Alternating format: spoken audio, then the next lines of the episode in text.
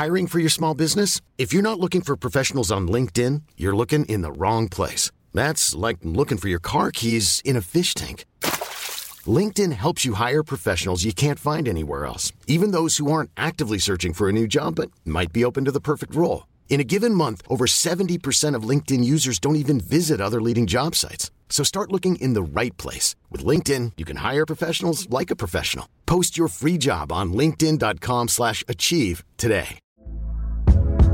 Hey there, it's Michelle Norris. I'm host of a podcast called Your Mama's Kitchen. When I travel, I'm usually looking for a way to find a taste of home when I'm not at home. And one of the things I love to do when I am at home is entertain. And Airbnb allows me to do that. When I was in California recently, I rented a house that had a great kitchen. And when we were sitting around the table, we're all thinking, we're in someone else's house. Someone could be in all of our homes as well. If you have a home, but you're not always at home, you have an Airbnb. Your home might be worth more than you think. Find out how much at airbnb.com/slash host. Hey, it's Danny Pellegrino from Everything Iconic. Ready to upgrade your style game without blowing your budget? Check out Quince. They've got all the good stuff shirts and polos, activewear, and fine leather goods, all at 50 to 80% less than other high end brands. And the best part? They're all about safe, ethical, and responsible manufacturing. Get that luxury vibe without the luxury price tag. Hit up quince.com slash upgrade for free shipping and 365 day returns on your next order. That's quince.com slash upgrade. Du måste sätta en nivå också. 44 dagar i celibat. ja, det är Glenn ska du få uppleva kanske någon gång. 44 dagar i celibat. Lycka till kanske. Ja. ja. Börjar du? Jag hittar någon jävla djur på... på ja. Djur? Det finns inga igelkottar eller något som man kan... Tejpa. Det är gaffatejp. Ja men annars spricker de ju. Ja. ja, det här får vi ha som försnack då. Ja, jag spricker också. Ja, det är därför man tejpar dem ju. Ja, jävlar. Mm. Ja, så mm.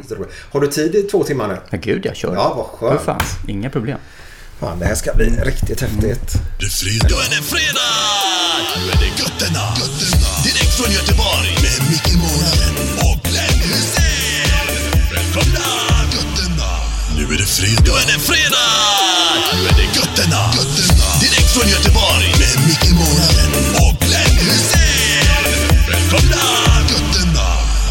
Tjena! Det var Glenn här. Välkomna till Gött podden denna fredag.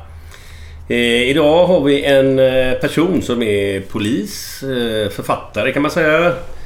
Eh, varit med ganska mycket på TV. Eh, framgångsrik i vissa program.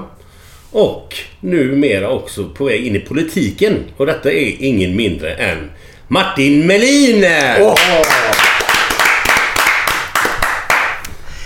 Jag, Välkommen gubben! Jag applåderade också. Ja. För, så att det liksom skulle förstärkas ännu mer, tänkte jag. Det är den första gästen som har gjort det faktiskt. Ja, men det, det kändes Då vet som... vi från början vad ja, det gäller. Då, då vet ni. Det är en kille som applåderar åt sig själv. Ja. Okej, okay, där satte vi det. Nu har vi nivån, Glenn. Ja. Ja, men, tack, tack. Kul att vara här. Ja, vi är ju hemma hos dig. Ja, kul att ni kunde komma hit. I Stockholm. Ja, hur känns det? Det känns ju underbart faktiskt. Ja, ja jag har inga problem med det. Det är en väldigt fin stad men sen det är ju gött att han åker tillbaka sen igen. Det är väldigt skönt. Men, men vi är ju i, i, i Hammarbyland. Det, det, här är så jävla roligt för att vi är Enskede. Ja. Och Enskede ligger alltså precis strax utanför Stockholm kan man säga. Det ligger... Ja, det är tre minuter med bil. Eh, söder om Stockholm. Söder om Söder är vi nu. Så att vi är ju alltså i söderförort och söderförorter är av tradition Hammarbyland, yes. Men nu har de ju precis 100 meter bakom oss här har de ju byggt en ny fotbollsarena, Tele2 Arena. Och då är frågan alltså, är Tele2 Arena Hammarbys hemmaplan eller är det Djurgårdens hemmaplan? Mm. Och det beror på vem man frågar. Så att med andra ord är det här lika mycket nu Djurgårdsland om man pratar med djurgårdare. För nu har ju de sin arena här. Ja, men gillar Djurgården att åka hit överhuvudtaget? Ja, det tror jag, för de hörs fan när de kommer kan jag säga. Och det är mycket, de är glada oftast. Ja, det är så? Ja, inte så ofta när de lämnar arenan de är lika glada, men de kommer hit i alla fall. Eh, nej, men, nej, men det där är känsligt. Jag tycker det är så jävla roligt att, att kalla eh, Tele2 Arena för liksom Hammarbys hemmaplan när man pratar med djurgårdare. Och sen pratar man ju med djurgårdare så säger man Fan vad kul att ni spelar på Hammarbys arena, det är kul. Ja. För att de har ju ingen egen hemmaarena någon norm egentligen kan man säga. Nej. Men är det... när de kommer hit då, är det oroligt eller? Är det Nej, massa det- skit eller är det lugnt, lugnt eller? Nej, De som kommer hit den här vägen ifrån och kommer hit, alltså oftast är ju det liksom den vanliga supporten, de vanliga, mycket barnfamiljer och mycket som man faktiskt, som man ser kommer gående här på gatorna. Eh, bråkstakarna tar ju ofta via Gullmarsplan och den vägen och går sista biten. Ja, de, kommer försöker hitta någon på vägen då eller? Ja, eller, de- ja, de som ska bråka på riktigt, de möts ju innan någonstans. De har ju Ja. bestämt redan att de ska ses i, ja, fan vet jag, slakthusområdet här uppe eller till och med det vet, Årsta. Alltså Ja. de bestämmer ju träff innan var de ska slåss. Det är ju Ja. sällan de sammanstöter, de här riktiga bråkstakarna, eh, liksom på väg till arenan så att säga. Mm. Det kan vara att de hamnar ibland att det kommer ena klacken kommer i tunnelbanan och sen så står den andra på tunnelbanestationen och väntar för att kliva på, kanske vid Slussen. Mm. Men eh, det där har man ju... Det där kan man ju. Så ofta åker med, poliserna åker ju med klackarna och vet ju då, då stannar ju inte tåget där. Om man får indikationer på att det finns klackar på stationen. Ja, just det. Så att eh, det är ganska tryggt att gå till och från arenorna vill jag säga. Ja, det är det. Ja, det tycker jag. För, för utåt sett idag så, så snackas det väldigt mycket om att det är så farligt där ute. Mm. Eh, Jag personligen upplever ju att det var ju värre än på början på 2000-talet. Mm. Eh, Helst här uppe i Stockholm med era derbyn och det va? Är jag ute och seglar nu eller? Nej, men de, nej, derbyn är ju fortfarande stökiga. Alltså det är mycket stö- ja, det är ju alltid bråk, alltid stök. Men som vanlig supporter så ska det mycket till för att du ska hamna mitt i det, faktiskt. Ehm, det är sällan, alltså det är, Jag vet hur känner på Råsunda förut var det ju, för då var det ju så jobbigt för att om du släppte ut AIK-klacken till exempel från norra delen av arenan så var de tvungna att liksom runda arenan för att komma till tunnelbanan. Och när de rundade arenan då kom de till söder, gick de förbi södra och det fanns en öppning där så då sprang ju hela södra läktaren då, bortaklacken, fram och sen blev det en konfrontation. Så att det var så här logistikproblem mer faktiskt än att de vill slåss. För att det, alltså det, det, de är ju de här 150-200 som vill fightas. Och som sagt, de brukar lösa det. De löser det själva någonstans. Eh, det är ju sällan det blir fight på, på läktaren eller på plan faktiskt. Nej, men då skiter man ju i vilket egentligen. Det är ju självsanering om de börjar bunka på varandra. okej. Nej. Men bara inga oskyldiga kommer in i bilden där och åker Håller dit. med 100 procent. Håller med fullständigt. Det är, men nu är det, jag vet inte hur det går till, men alltså det är någon som kallar att nu ska vi slåss här. Jag vet inte om det är någon som tycker det, vill att, om någon som vill att polisen ska komma snabbt. Jag vet inte. Eh, Jag tycker när man ser de här YouTube-klippen så tycker jag att vissa av de här firmorna då, att de är, de, de, de är ju jävligt kaxiga och slåss ju mot varandra. Men det finns ju alltid några på de här man ser som står och hoppar i bakgrunden längst bak och Ja, nästan aldrig med. Och jag brukar tänka på det så här, undrar om de ser det här själva att, och de blir liksom uthängda. För att de andra, det, för att det ska man ha klart för de här firmakillarna, alltså, det, de, de kan ju slåss alltså. Det, Oh ja. det, det, de har ju pannben alltså, så det, det, ska man ha klart för sig. Så man ska inte underskatta dem. Men som sagt, förhoppningsvis då så tar de ut de här aggressionerna, eller vad det nu är, mot eh, sina liksom liknande, så att säga, andra klacker. Så att vanliga med, jag vet inte, alltså jag, jag skulle inte tveka att ta, ta mina barn på fotboll. Det skulle jag inte ett dugg. Absolut gå. Inte problem. Till och med på derbyn faktiskt. Vi, vi kan ju ta det direkt Glenn. Vi hade ju en fråga där. För vi har ju glömt att säga det. Du är ju en AIK-supporter av rang. Mm. Eh, vilken är, är, är den viktigaste matchen för er varje år?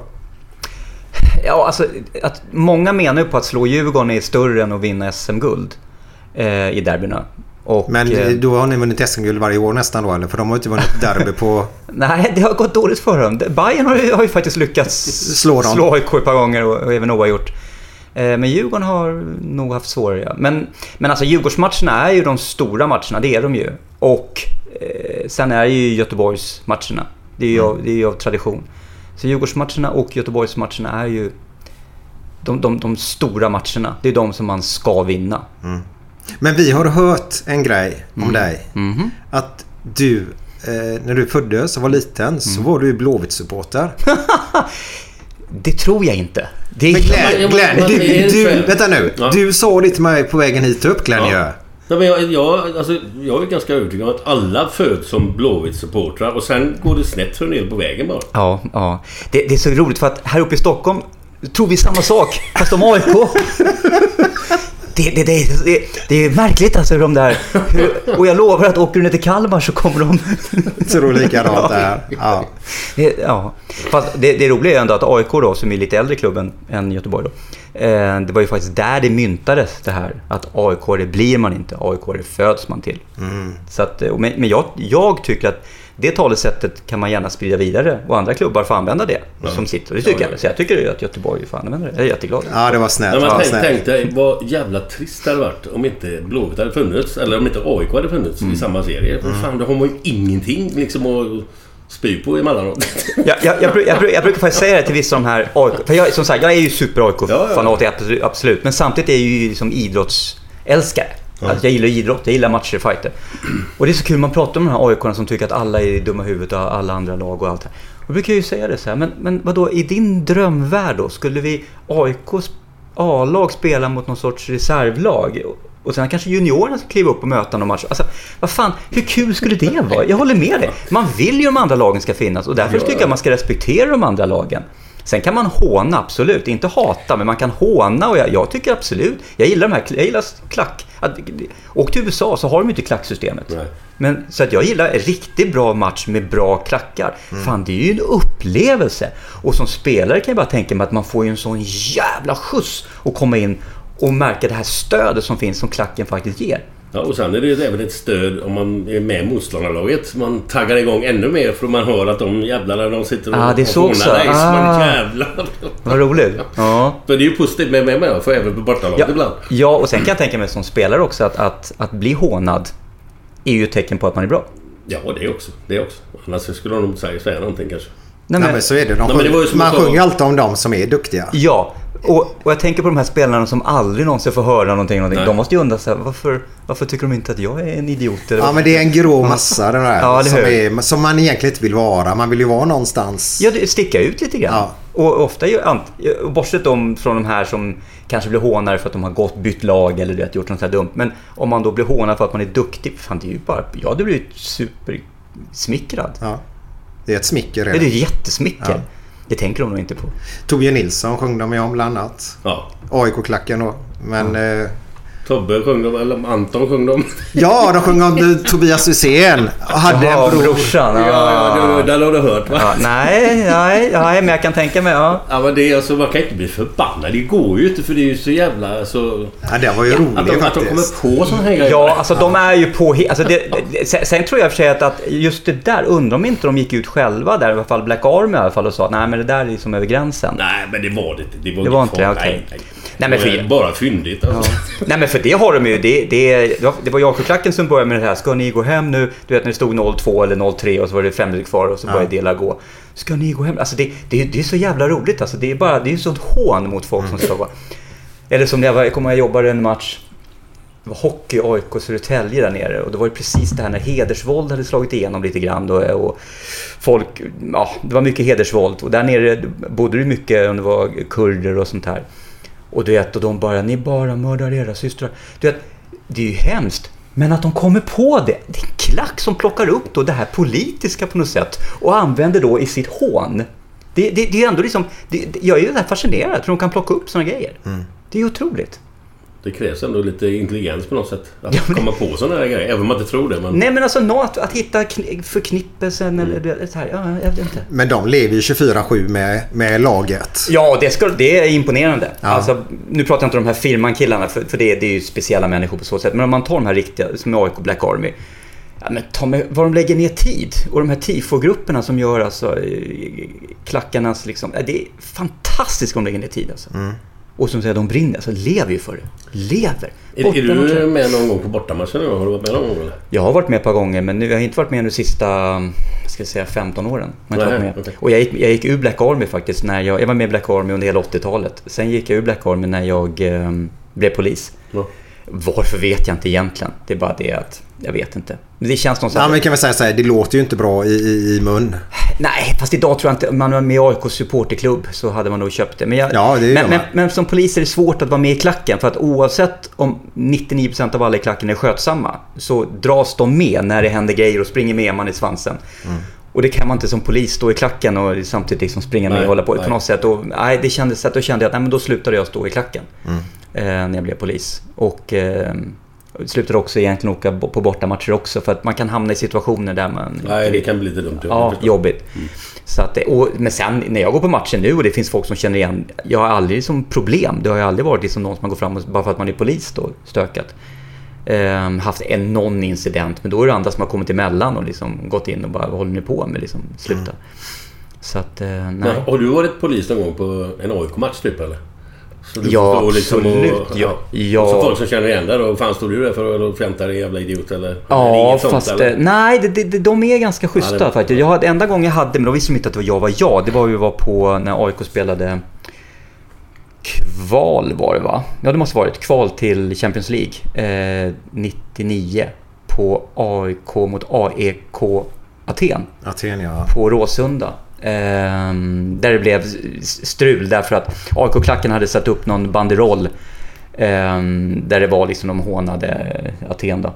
Och eh, den skulle plockas ner. Och då gick poliser in och plockade ner den där och då blev klacken tokig. Och vi var inne på norra stå eh, med två grupper, så vi var åtta, nio man eh, som stod längs högra sidan. Och helt plötsligt ska klacken ge sig på oss.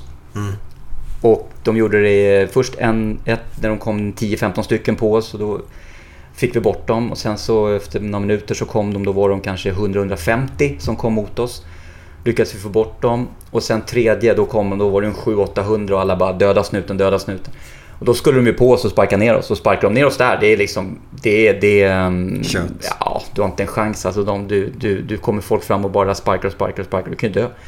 Så då var det min kollega, han sköt varningsskott. Ja, ja, det var det ja. Ja. Det var ju den grejen. Det finns något klipp på ja, YouTube ja, om det ja, här. det vet jag. Det vet. Mm. Så sköt han och då drar de sig tillbaka och, och, och eh, så öppnar de en reservingång som finns där nere, eller utgång från arenan man kommer ner på plan. Eh, Så den öppnar de och vi går ner och jag är, jag är näst sist. Och du vet, jag har... Ah, fy fan, det, det är bara smattrade i hjälmen med mynt och grejer som flög. Bara ding, ding, ding, ding, ding, ding. Så jävla mycket mynt. Och så mycket sparkar i ryggen man fick. Vet du. Folk som sprang fram och bara hoppsparkade och gav såna här tjuvsmällar. Man gick... Fy fan, hade blåmärken i kroppen sen.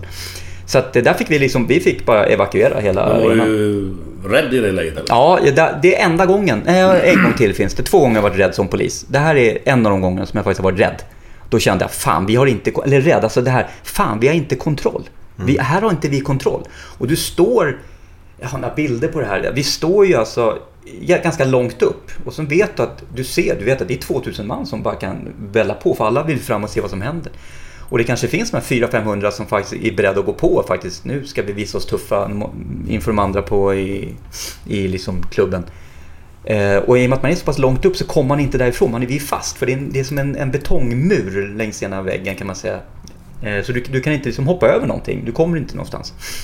Så att jag kände mig så här, fan här, vi har inte kontroll här alltså. Det här är inte bra. Och hade inte min kollega skjutit där, då vet jag fan vad som hade hänt.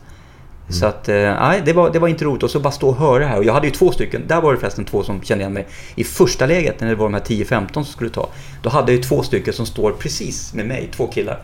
Som bara står och pekar på mig och säger Melin, du är vår, du är vår. Och jag står med, jävla, står med min batong alltså, som jävla baseballträ och bara tänker så här. Ja, alltså jag, jag, sopar på alltså. Kom bara. En av er, första bästa. Alltså, jag kommer slå... Jag skiter i vad jag träffar alltså. Jag tar tjänstefel om jag träffar huvudet. Alltså, för att jag tänker inte bli nersparkad och liksom invalid för resten av livet. Men då hade jag två stycken som stod och skulle ta bara mig där. Men eh, ja, men det, ja, det var en, en händelse. Det var en ja. Den andra då? Eh, som jag var rädd. Ja, just det. Det var, det var ungefär samma veva tror jag det var. Och då var det på den bron som går från eh, Södermalm över hit till eh, Enskede-hållet här. Eh, Skanstullsbron. Och då det, där går det tunnelbanan på ena sidan. Och eh, vi stod nere på Götgatan med polisbilen så kommer det fram en person och så säger han det att det är, mm, det är nog en kille som försöker hoppa från bron här borta. Skanstullsbron. Åh fan, så vi susar ju dit naturligtvis och det är ju bara 300-400 meter. Så vi kommer upp på bron, spanar och jag får syn på en kille som står eh, ganska nästan mitt på bron. Så står han och håller på och klättrar upp för ett staket som är så att man ja, kan hoppa över bron helt enkelt. Mm. Ehm, och mellan körbanan och där han var så går det då tunnelbanespåret. Men jag tänker inte på det, jag hoppar ur bilen, springer över spåren, vilket efteråt är hjärndött att göra för det är el i de här spåren. Du dör ju alltså om du trampar fel där. Men man tänker inte de här, man bara agerar. Eh, så jag springer över spåren, eh, får tag i hans ben precis när han slänger över det andra benet över staketet där. Eh, och det är så här Gunnemo-stängsel är det liksom. Så han hänger där, och jag, eller sitter där och jag hänger i hans ben och försöker få ner honom. Och han har hörlurar på sig så han hör ju inte mig och jag ser han är helt borta. Så jag står och försöker slita ner honom men han liksom vill hoppa då så han vill, försöker dra benet uppåt då. Och då ser jag i ögonvrån hur tunnelbanan kommer. Eh, och jag tittar ner på spåret och konstaterar att fan det här blir tight. Ehm, jag kommer bli påkörd av tunnelbanan där jag står nu. Det här är supertight. Så jag greppar med, med min hand i det här staketet, min vänsterhand, och håller kvar hans ben med högerhanden. Och sen trycker jag mig så mycket jag kan mot det här staketet. Och sen kommer tunnelbanan. Och jag ser tunnelbaneföraren. För jag försöker vinka mot honom att han ska se mig. Men han tittar till höger på polisbilen. Som, som står där och min kollega. Så han ser bara polisbilen, han ser inte mig. Men så jag trycker mot staketet och sen kommer tunnelbanan och det är bara swish, swish, swish. Ja, en decimeter bakom ryggen. Alltså jag känner, jag känner alltså hur, hur det bara vajar tag i polisskjortan. Och så samtidigt så känner jag om den här killen bara att han slänger sig mot tunnelbanan för då kan det bli dumt om han då studsar och slår till mig och så kan jag ramla ner och allt det här. Nej, vilken sörja. Men sen passerar jag tunnelbanan och då har min kollega fått tag på den här centralen som de stänger av strömmen och varnar och sådär. Och då lyckas jag slita och bara, bara sliter jag ner den här killen. Alltså jag bara drar ner honom och sen så, ja. Och sen tar det ett par timmar med honom och sen till, till psyket med honom. Men där var det också, där var det riktigt nära så att det kunde ha gått illa. Men en Riktigt sån illa. gubbe... Har han hört- av sig eller någonting? Eller inget sånt? eller? Mm, jo, han hörde av sig. Men han hörde av sig typ fem år senare. Hörde han av sig. Ah, okej. Och då hade, han, då hade jag pratat om den här händelsen i någon intervju. Eh, och då hörde han av sig. Eh, just det, det här var före Robinson förresten. Och sen var det efter det så hade jag pratat om det. Och då hade hon, hörde han av sig.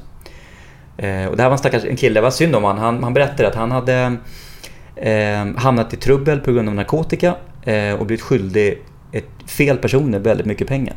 Och då hade de lovat, eller tvingat honom att eh, bli så målvakt för något företag. Eh, och så hade de gått in och plundrat företaget och så sitter han kvar och har skulder på flera miljoner. Och några har dragit iväg. Så han hade då skulder på flera miljoner och såg ju sitt liv åt helvete och det funkar inte och han var dömd för det och det. Eh, så han tyckte det var ingen idé att leva längre. Eh, Men, nu, sen, men då berättade han för mig att han hade fått hjälp via psykiatrin och sen så hade han då ja, fått ordning på sitt liv och konstaterat så här ser mitt liv ut och jag vill ändå leva. Eh, Så han ville tacka att det var jag då. Han tyckte det var lite spännande att det var just jag. tyckte han också. Han sa jag hade sett Robinson. Ja. Jaha. Ja, det är ju... Ja, så att, nej men så det, och det, det, är- det, är, det är faktiskt flera som har hänt också. Liknande grejer där de har ringt efteråt. Och Ja, det är så? att- Ja, efter Robinson så ringde de några stycken och eh, sa det att ja, det var ju mig du, jag som kastade sten på dig under Tranebergsbron Aha. ni, ni, 94. Jaha, ja, jag bara säger det. Ja, jag såg Robinson här nu, okej, ja, ja. förlåt för att jag gjorde det. Okej. liksom, ja, det är lugnt, jag har gått vidare i livet. ja, ja, men den hade inte gjort det. Nej, nej, precis. Nej, men så det, det är några som... Ja. Men Robinson kan vi komma in på då, för det är väldigt aktuellt. ja, de ska köra igen ja. Ja, äntligen. Mm. Om det nu ens kan komma upp. För vilken gång i ordningen är det? Oj. Jag vet inte. SVT gjorde väl... Tolfte eller något där Ja, kanske. Ja, och så har vi varit kändis-Robinson och lite sån grejer. Men nu får du rätta oss om vi har fel här. Men 97 var det va? Mm. Mm. Och jag kan ju säga, jag kommer ihåg det så här avsnitten i nästan varje minut. Mm. Ja, det, det var så magiskt verkligen när det här kom. För innan första avsnittet sändes så stod det väldigt mycket om det i tidningen. Mm. Och där var det ju en deltagare då som åkte ut först tror jag i Robinson. Som då tog livet av sig under sommaren. Vem var det? Vet inte namnet tyvärr. Nej, Eh, fan.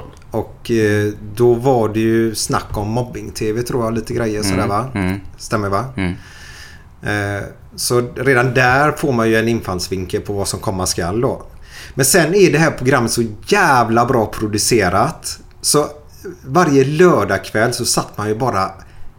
Klockan åtta tror jag det började eller? Eller var det Mm, nio? Ja, det var nog 20.00 just det. Ja. Lördagar 20.00. Och då var bokat alltså. Och det, jag, den i Sverige som inte tittar på det hade ju ingenting att prata om på rasterna veckan efteråt. För man pratar bara om Robinson. Exakt, måndagarna. Mm. Det var sånt genomslag. Och där var du med. Eller vann som jag brukar säga. Ja. Men, eh, och då hade vi ju, eh, han som ledde det var ju eh, okej. Mm. Fröjt ja. Okej, stod han och sa jämt. Ja, visst. Och gjorde det fantastiskt bra. Ja, jag gjorde det skitbra. Ja. Vad, eh, ingen visste ju vad detta skulle gå ut på från början. Hur kom det sig att du sökte? Nej, men det var också roligt för att det var... Ingen människa hade ju liksom blivit så här känd eller blivit någonting efter att ha varit med liksom i ett program på TV. Ett lekprogram. Och det här var ju ett lekprogram. Och jag minns jag såg en trailer på SVT där det stod liksom så här. Vill åka med på ett äventyr, tävla i Malaysia. Eller ja, jag tror de sa Malaysia. Ehm, sen var det inte så mycket mer med det egentligen. Och då fanns ju till och med internet fanns på den här tiden. Så man kunde gå in på hemsidan och, och titta. Och då tänkte jag så här, fan jag är ju så här, jag är ju tävlingsmänniska. Det här vore ju kul. Så det, det var ju tävlingen man sökte till. Inte då som idag när vissa söker för att få någon sorts uppmärksamhet eller vara med i TV. Utan det här var en tävling. Och jag tänkte, fan vad roligt, jag ska vara med i den här tävlingen. Så jag skrev, skrev om mig själv och skickade in helt enkelt. Och efteråt har jag fått höra att en av anledningen till att de plockade med mig, dels, för att, ja, dels var det för att de ville ha en, de hade ju olika profiler som de ville ha. De ville ha den snygga tjejen, den, eh, den obstinata människan, ledartypen och så. Och jag då var ledartypen. Ehm, polis och allt det här. Så jag gick in som ledartypen.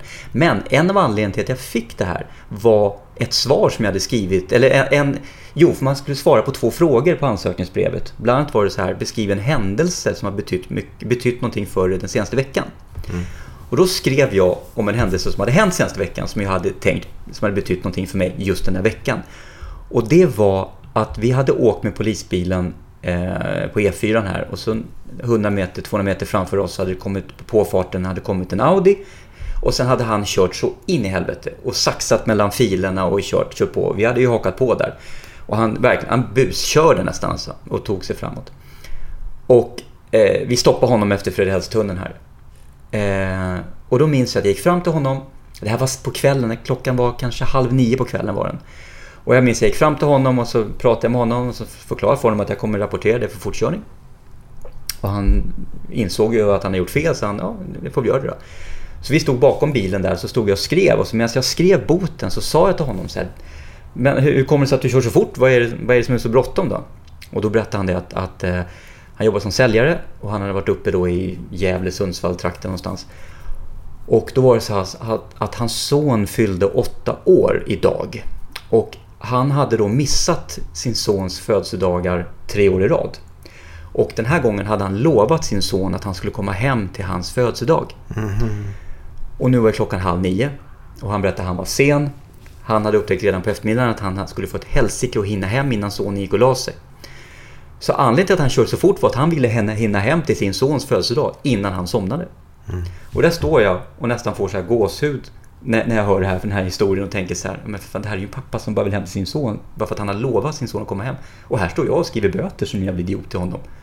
Och då tänkte jag så här, vad skönt om jag bara hade liksom bara dragit streck över den här oboten och sagt, vet du vad? Ja men det är klart du ska, vet du vad? 4 000 kronor. Och hem nu och köp någonting till din son istället för de här 4 000 kronorna. Ge honom den bästa födelsedagspresenten någonsin. Och så tar det lugnt bara vägen hem. Tänk om jag hade gjort det, vad bra jag hade mått av det egentligen. Men istället så fortsätter jag skriva böter och bara säger ja okej och fortsätter skriva och gav honom boten. Och det där mådde jag dåligt av att jag gjorde.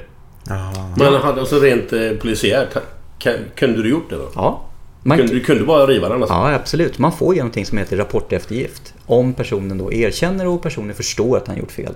Då kan, då kan jag ge rapporteftergift, en varning. Det har jag rätt att göra. Så jag kunde ha gjort det om jag velat. Men det gjorde jag inte. Och det skrev jag i min, i min, i min ansökan. Och då tänkte väl de så här, åh, det här är en kille med hjärta. Har du fortfarande en dålig samvete för det? Ja, jag tänker fortfarande på det här faktiskt. Ja. Det är 20 år sedan. Ehm, ja. För jag är en ganska snäll polis. Alltså jag är dålig på att ge böter. Fan vad dålig jag är på att ge böter. Har du rivit många? Ja, oh, oh. Alltså jag, jag kanske rapporterar du vet, en av tio som jag stoppar. Aha. Det är, jag är dålig på det här. Jag, man får ju skäll för det. Alltså. Jo, men samtidigt så... Du... Ja, men har- man- Det har väl lite att göra med hur man beter sig mot dig Ja, också? 100 procent. Ja. 100 procent. Man har ju gått fram till folk som bara öppnat med att säga men skriv dina jävla böter så jag får åka snart. Öppna med det alltså. Aha. In, innan, jag- innan, Då är jag- du körd. Ja men då börjar man ju leta däckdjup och allting alltså. Ja, ja, då, då, då ska vi nog, vi ska nog, tro mig, du ska nog få böter. Ja. Inga problem, det kommer ta tid här. Men, men, eh, nej, men jag är väldigt lättflörtad på att, på att liksom pratas bort. Och jag vet, man märker när man, när man blir blåst. Alltså det, men jag har alltid min grej jag kör. Alltid det här med att eh, gå fram och fråga, hej vet du varför vi har stoppat dig? Och eh, de allra flesta säger så här, nej, kanske gick det för fort. Och då har de kört kanske 100 på 70. Aha. Och så säger jag så här, ja, du har kört för fort. Hur fort har du kört? Man vet ju när man har kört 100 på 70. Alla Ja, ja. människor vet ju att man kör för fort. Det är så jävla... Alltså, det, det, det är så... De, de, och jag brukar säga, ja. Och då svarar de så här att, ja, kanske jag körde 80 kanske. Och då brukar jag bara titta på dem och så säga så här, vet du vad? Jag rapporterar alltid folk som ljuger. Det gör jag. Jag rapporterar alltid folk som ljuger. Om man inte kan stå för vad man har gjort, då ska man ha böter. Så jag frågar igen så här, hur fort körde du? Ja, ja det gick kanske i 100 då. Kommer. Okej. Ja. Men, för jag, jag brukar alltid säga det, men, men snälla alltså, varför tror, du att, varför tror du att i vår bil så står det att du har kört i 100? Men i din bil så står det att du har kört i 80. Är det inte jättemärkligt att vi stoppar det om du har kört i 80? Håller du med om det? Nå, nej, det måste vara något fel på er bil. Alltså, det, man bara, och då, får, då blir det ju böter alltså. Bara, du, du måste fråga, har du varit uppe i rättegång på grund av att de inte vill erkänna bötes... Mm, oh ja, det har hänt. Ja, Absolut. okej. Men då, inte med, då sitter man och så talar man om vilken mätmetod man har använt och Ja. så presenterar man det om det finns det. Eh, och sen så är det inte med med det. Och så får han säga att nej, jag körde inte. Nej, och Det- så förlorar ju han. Jag, jag är i 100% Ja. av fallen. Men det roligaste, jag brukar ju fråga ibland så här att eh, ja, du har kört för fort, säger här, Ja, okej. Vet du hur fort du har kört? Nej, säger så här. Du har inte kollat på hastighetsmätaren? Nej. Ja, vad bra, för då kan jag sitta i rätten sen och säga det att han har ingen aning om hur fort han körde. Nej. För det har han sagt till mig. Mm. Då kan jag inte sitta i rätten sen och säga jag körde faktiskt bara i 80 och inte i 100. Jaha. För du har ju sagt till mig att du inte vet hur fort du körde. Så det tänker de inte på. Alltså trovärdigheten så vinner ju polisen Ja, men det är, oftast. ju- alltså det, vi, vi stoppar ju inte någon som inte har kört för fort. Nej, det är alltså ju ganska dumt. Det, det är så idiotiskt. Och jag brukar säga stå för du har gjort så länge du inte har mördat någon. Vad fan? Om du får en p-bot här, du springer inte runt och försöker liksom övertyga någon. Titta, jag har inte alls... Kolla, jag har, inte all, jag har visst betalt. Fast det har jag inte gjort, jag vet ju det. Men jag säger att jag har betalt. Mm. Alltså det är så... Det är som kört för fort, vad fan? Ja, men du vet ju det. Jag säger det. Sorry, jag har kört för fort. Jag har... Stå för det, för jag tror att du har större chans då att klara dig. Än att du sitter och försöker säga någonting om att nej, det är något fel på er och bara tjafsa. För det finns inte en polis i världen som tar det tjafset. Nej. Alltså det är inte som... Jag brukar säga, det är så, ungefär som i fotboll. Hur ofta ser du liksom... En, domaren dömer. Och så springer spelaren fram och bara Åh! Hur ofta ser en domare och säger Ja, vänta förresten. Nu hör jag vad du säger här. Ja, nej, men vet du vad? Nej, men okej, det är inte straff. Nej, vi ändrar det. Hur ofta hör du händer det? Fan vad bra att du säger det. För just detta brukar jag säga till mina vänner. Ja. Att eh, tränare då bland annat. Eh, hur man beter sig mot en domare. För om en tränare, om du är pojklagstränare eller någonting. Mm. Ja. Och du beter dig dåligt mot domaren så gör ju pojkarna där ute också. Såklart. Och har domaren dömt någonting så behöver du inte protestera. eh, För han kommer, kommer ju inte ändra sig. Det är klart han inte gör. Nej. Och, och jag, jag kan köpa att man springer fram till domaren att påtala att Ja, jag var lite ful mot honom här, men har du sett honom förut? Kolla, såg du läget innan? Alltså, det kan jag förstå. Men när det gäller straff alltså. Jag har aldrig fattat att man springer fram och säger det är inte straff. Han kommer inte ändra sig. Nej, nej, nej. nej. Så det är så här, jag vet inte om det är spel för galleriet eller det bara så här, men så här har man gjort i 50 år, då fortsätter vi göra det. Vad iskallt det skulle vara om domaren dömer straff någon gång. Ja, i och för sig, ibland ser man ju faktiskt när det är ingen som går fram och, alltså det är inget snack. Men då är det väl att man har tagit den istället för man vet att det skulle bli mål ändå. Men även med frispark, jag brukar, och det är samma med polisen. Om polisen stoppar dig, om polisen påstår att du har begått ett brott, att du har kört för fort eller att du har kört en förbjuden vänstersväng eller det är bussfil eller någonting. Se inte förvånad ut, spela inte som om, nej men jag har inte en aning. Därför att vi är inte dumma i huvudet. Om du bor, om du bor på gata A och sen så är det bussfil på gata B runt hörnet. Och sen kör du bussfil på gata B. Då kan du inte säga till mig att ja, men jag visste inte att det var bussfil här. Nej men fan du har ju bott runt hörnet i 30 år. Alltså, alltså det, det är så jävla korkat. Men är du snällare mot turister måste du väl vara? I Stockholm? Ja, absolut. Ja, Ja, ja, för de kör efter GPSen ju. Och om GPSen säger att man ska köra rakt fram, då spelar det ingen roll om det står en, en, liksom ett träd där. Då, Är kör man, då kör man rakt fram. Ja, men jag brukar säga till folk så här, men du kan ju inte köra efter GPSen om det sitter en skylt där det står enkelriktat. Mm. Och din GPS från 2003 säger att du ska köra in där. Det är ju jättedumt att köra in där då. Eller hur? Ja, det är det. alltså, du kan inte bara, du måste ju titta, GPSen är ju en rådgivande hur man ska köra. Jag brukar säga så här, om, om, om din partner bredvid där sitter och läser en kartbok och så säger kör rakt fram. Och sen är det liksom ett, ett, ett hus rakt fram. Då kör du ju inte rakt fram, eller hur? Vänta nu, jag måste berätta en grej. Senast vi var uppe i Stockholm. Så kör, nej, så kör jag. Så säger jag till Glenn, så hade vi kommit lite fel. Att nej, jag får köra bort lite, vända. För här får jag inte köra. Äh, Glenn vände sig om och tittade. Skit i det, kör ändå. Ja men, det, ja, men alltså. Så han var ju min GPS där. Ja men, ja, men det här, det här, skit i det, kör ändå. Ja, men man får ju kolla vad Ja. som är runt omkring. Ja, men, men återigen. Det är inga... Det, ja, nej, det ska man inte göra. Jo. Men om man nu gör det och det kommer en polis, men ta det då. Ja, exakt. För det är en chansning. Ja, ja, det är en rövare. Det är samma med folk som kör ut i bussfilen i jätteköer. Om, om polisen står och stoppar. Men ta den boten. Du gjorde en chansning. Jag brukar säga det. Vad fan, du... Kom igen, återigen. Du har inte dödat någon. Nej, Vad fan, det. ta dina böter och gå härifrån. Och är det så att du inte kan betala böterna eller du tycker för mycket pengar, då ska du inte köra för fort. Nej, och då ska du inte köra bussfilen heller. Nej, precis. Men jag har en annan grej. Mm. Han som skulle hem till sin son och fira hans son, eller födelsedag. Mm. Det var ju en fredag. Nej, jag tror inte. Jag tror det var mitt i veckan. Skitsamma. Och du sa fredag förut. Ja, då var det och jag fredag. tänkte ju mer på att han eh, hade ju en annan grej han längtade efter Glenn och vad var det? Ja, fredagsmys. Känsla! Känsla också naturligtvis.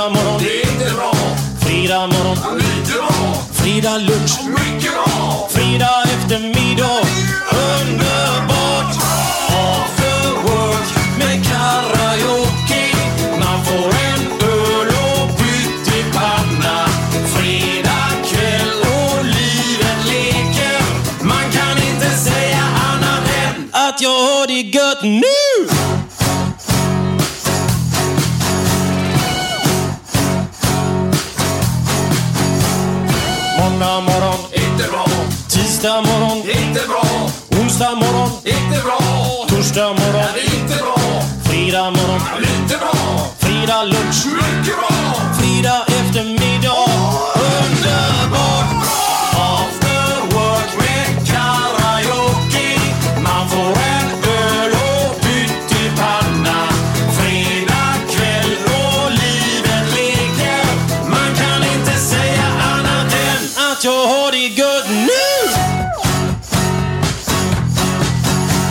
Ja, det var den underbara Björn Rosenström. Rosenström eller Strom. Men After Work. Vilken jävla låt alltså. Ja, grym. Grymt. Ja. Du fick väl lite fredagskänsla där. Ja, men Martin jag måste bara fråga en sak. Mm. Jag är ändå inne innan vi glömmer av det. Eh, Du är ju en snäll polis säger du själv. Ja. Att du driver gärna någon lapp då och då. Nu behöver du inte säga namn, det är det jag menar men... Det finns väl eh, raka motsatsen också antar jag? Jävla ärkesvin inom polisen också eller? Ja, men... ehm, alltså jag var ju fan ingen snäll polis när jag började, ska du veta. Alltså det... Mm, Vilket år är vi på då? 91 började jag, så att början på 90-talet. Du vet, Jag kom till Norrmalmspolisen här i Stockholm som hade en, en jargong och en, en myt om sig. Att man skulle vara tuff och hård. Och jag anammade det stenhårt. Hamnade dessutom i något som heter A-turen, eh, som var en beryktad turlag. Extra tuffa, extra hårda. Och det här handlar inte om att man gick runt och spö folk och var liksom så här ful, alltså tjuvnyp, absolut inte. Men det handlar om att vi backade inte. Utan, och vi var stenhårda. Alltså det var inget flams och trams och liksom... Var det eh, Ja, det var med hela handen. Vi pekade med hela handen och körde. Så att det där anammade jag och hade väl ett par år där, där jag var liksom tuff, så att säga. Eh, och det handlar ju naturligtvis också om en viss osäkerhet. Jag tycker det, det är alltid så kul när man ser äldre poliser och jag räknar in mig själv där. Man, man får en trygghet på något sätt så man kan prata med folk på ett ganska avspänt sätt och liksom till och med på ett skämtsamt sätt och även med bus. Att prata och hantera dem på ett annat sätt. Och jag tror även att då de kriminella buset då känner av det här. Det, det, det, mitt, alltså det, krävs självförtroende för att, vara, för att slappna av som polis. Och många nya poliser eh, märker man, de har den här hårda attityden och det, man, är, man är polis, man är snut. Alltså, nu jävlar, nu gör du som jag säger, sitt ner, stå upp. Så här. Istället för att liksom bara slappna av och vara liksom skön. Man kommer ganska långt med det faktiskt. Ehm, men däremot så vill jag nog påstå att det fanns flera ärkesvin inom polisen eh, 70-80-talet. Än vad, jag, jag, jag tror faktiskt att när jag började och några, någon eller några år innan där, det är någon sorts generationsskifte där med den, en ny typ av polis som började. Och jag tror att det var ett ännu nyare generationsskifte eh, runt millennieskiftet här, om det går 10-15 år tillbaka, de som började som polis då och de som är poliser idag då, är ytterligare liksom ett skifte. Eh, mer mogna människor, mer liksom bättre människosyn och liksom mer empatiska och allt sånt här. Så att du får nog leta idag om du ska hitta ett riktigt ärkesvin inom polisen. De finns, det gör de ju. Men du får nog leta idag riktigt mycket. Jag vill nog säga att jag brukar säga att 80%, 8 av 10 poliser idag är duktiga poliser. Två av tio ska inte vara poliser. Och det handlar inte om att de är svin eller våldsamma eller rasistiska eller något sånt där. Utan det handlar bara om att de har inte den här känslan att kunna ta folk och liksom vara sociala och kunna Nej. prata. Ehm, men ska du hitta ärkesvin så någon promille absolut. absolut. Gjordes det inte någon film där om... Eh, Jo, i lagens namn. hette den så? Mm. Han åkte runt där i, i, och slog folk. Precis, den byggs på... Var inte det Stefan Sauk också Jo, som var med? ja. Ja, det är GW Pratade vi om Perssons- förut ja. ja. Samhällsbärarna heter boken. Och den filmen är faktiskt... Hörde man sirenerna i bakgrunden? Ja, ja, ja. perfekt. Vi, Nynäsvägen då. Nynäsvägen utanför. Och här går de alltid sirenerna verkar Ja, som. men det, det enda som går igenom de här sju glasen, eller vad det är jag Ja. har här, är just sirener och motorcyklar. Mm. Eh, nej, men den, den, bok, den filmen i lagens namn från 1984 med Stefan Sauk eh, i huvudrollen bland annat, är faktiskt den bästa polisfilm som har gjorts. Inte kriminalfilm, utan men det som handlar om snutar. snutar. Mm. Det, den är så jäkla bra. Men den är typ mest autentisk då? Ja, Så ja. Mest lik en vanlig vardag för polisen eller? Då. Ja, Då, ja, ja, inte nu men då. Men snacket, alltså dialogen. Mm. De, och, och, och kosmetörerna, de har lyckats verkligen för de har ju uniformer, har riktiga uniformer på sig. Det är inte såna här rekvisituniformer utan de har liksom lånat riktiga polisers uniformer. Det ser så äkta ut. Och jargongen och hur de går, hur de snackar. Alltså det är så jävla bra dialog. Och jag pratade med Stefan Sauk om det här och han berättade, han åkte ju med på flera pass med riktiga poliser och snappade upp mycket av liksom om, om hur man pratar med varandra, hur man är. Eh, och det märks i filmen. Eh, Kjell Sundvall tror jag är som har regisserat den. Äh, skitbra! Eh, En av de bästa och den håller fortfarande. Vad är den? 30 år? Vad heter den i lagens namn? I lagens namn, Mm. ja. Ja, 33 år då, om det är Ja. 84 då. ja. Jättesvår att få tag på. Jag har två DVD-ex av den och det går, Okej. inte, går inte att få tag på utan man måste... Och du har två. Ja, jag köpte båda två som fanns. Jag köpte dem för en 10-12 år sedan. Hittade jag två stycken i en butik och jag köpte båda direkt. För de går inte att få tag på någonstans. Utan Nej. ska man se den här så måste man in på några konstiga sidor på nätet. Då kan du svartuthyra dem då. Ja, det ju perfekt att göra. Ja. får man lite tillbaka. Försvinner. Men du, har du eh, varit nära eller har du använt pistolen? Eh, jag har skjutit ett rådjur en gång, men det räknas ju inte. Men, men jag har... på, som låg och eh, våndades. Men eh, jag har varit riktigt, riktigt nära tre gånger ungefär att skjuta. Och jag hade kunnat skjutit i de gångerna. Eh, och eh, så att säga, det hade varit liksom juridiskt rätt att skjuta. Men hur fan ska man veta om det är juridiskt rätt eller inte när du är i de situationerna? Liksom? Tänker man så? Nu, nu får vi tänka här så att inte... Ja, du har, ju, Alltså- du har ju en sekund på dig att fatta det beslutet. Ja, hur Ja. i helvete? Det är ju omänskligt. Exakt. Men, men sen sitter ju då experterna och tycker till. Det du ska fatta beslut Som på på en inte sekund. har varit på plats då. Som inte har varit på plats, som aldrig har varit i situationen och som i vissa fall inte heller vet lagstiftningen. Man blir ju tokig när man ser skjutningar. Jag säger inte att alla skjutningar som poliser gör är okej. Nej, det säger inte jag heller. Men många skjutningar som man ser är okej diskuteras i media ibland. Och jag tänker så här, men är ni dumma i huvudet alltså? Ni har ingen aning om vad ni pratar om. Men, men generellt sett kan man väl säga att det skjuts, det skjuts för sent i situationerna för svensk polis. Idag tvingas vi, tvingas vi. I, idag blir det nästan så att personer man skjuter måste skjutas ihjäl. Därför man skjuter ett läge när den personen springer mot dig med kniv eller när den personen drar upp vapnet. Istället för att skjuta i ett läge som är kanske några sekunder innan. Då du faktiskt kan skjuta i ben. Eller i, träffa delar av kroppen så att du faktiskt inte behöver död. Ehm, och det där diskuteras mycket inom polisen att i vilket läge ska man skjuta och inte skjuta.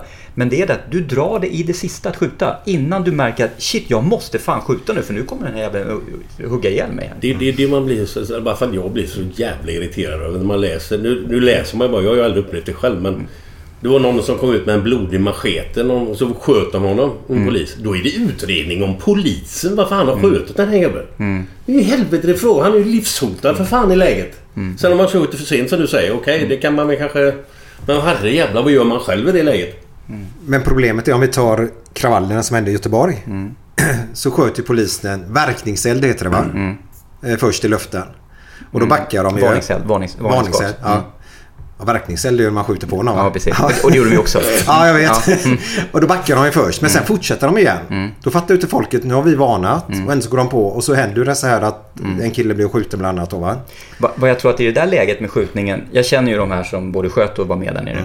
Ehm, och jag, jag har inte läst det och jag var inte på plats, jag vet inte. Men det, det man diskuterade där var nog inte att man skjuta. Men där skulle man ha kunnat skjutit i ett tidigare läge. Vad jag förstår så är det så att man sköt i det läget när han vänder sig om. Och han menar på att han, då menar han på att han är på väg därifrån. Man hämtar en sten säger jag ju då istället. Alla, alla förstår ju att det var så att han skulle iväg och hämta mer stenar för han hade precis slängt sin sten, nu skulle han hämta en ny sten. Men det är det som diskussionen skedde där. Många kritikerna säger att han skjuts ju då i sidan eh, i samband med att han är på väg därifrån. Med andra ord, nödvärnssituation finns inte.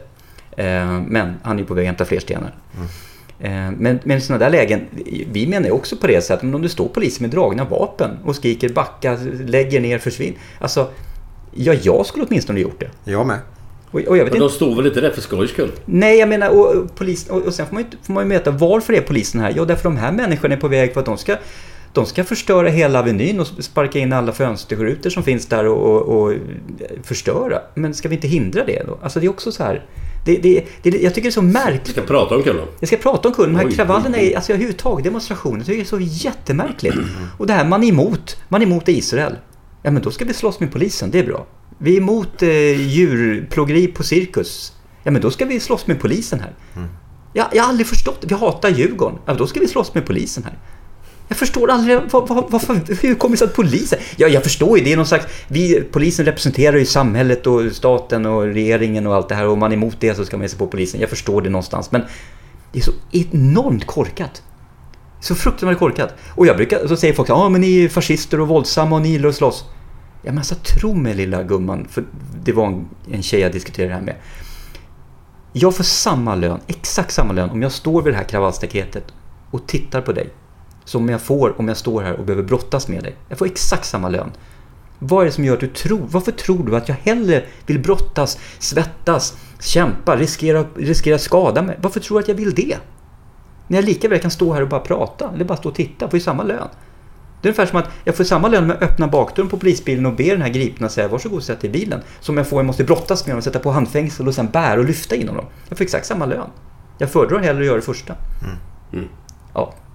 Jag tror aldrig vi kommer komma in i huvudet på de här människorna som slåss med polisen för att det är, Nej. det är någonting konstigt. Bara en snabb fråga där med att just slåss med polisen. Är, är det åldersbetonat om man säger så? Är, tillhör det de yngre årens år? Ja, det är ju få över 40 nyktra som slåss med polisen. Nyktra, ja. Ja, sen har vi ju de här, sen har vi ju 40-plussarna som har druckit för mycket och, och har väldigt svårt att ta tillsägelser av människor. Framförallt de här som då är mellanchefer på ekonomiföretag eller det, de här Aha. mellanchefer. Som har väldigt svårt med att någon talar om för dem att nu får de gå åt det hållet. Mm. Det är många människor, det är samma sak att man stoppar folk med fortkörningar. Alltså. Lite för fin bil, väldigt svårt att ta tillsägelser alltså. Känner de sig förnedrade Nej, jag på vet- något nej, sätt? Eller kränkta?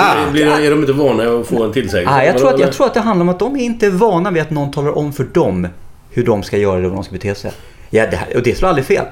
Som sagt, lite finare bil, eller mycket finare bil rättare sagt. Och så säger man så här, hej du, du vet att du inte får köra, det är förbjuden vänstersväng. De förstår inte någonting. De förstår inte, vad pratar du med mig? Vad, Alltså det, det går inte in alltså.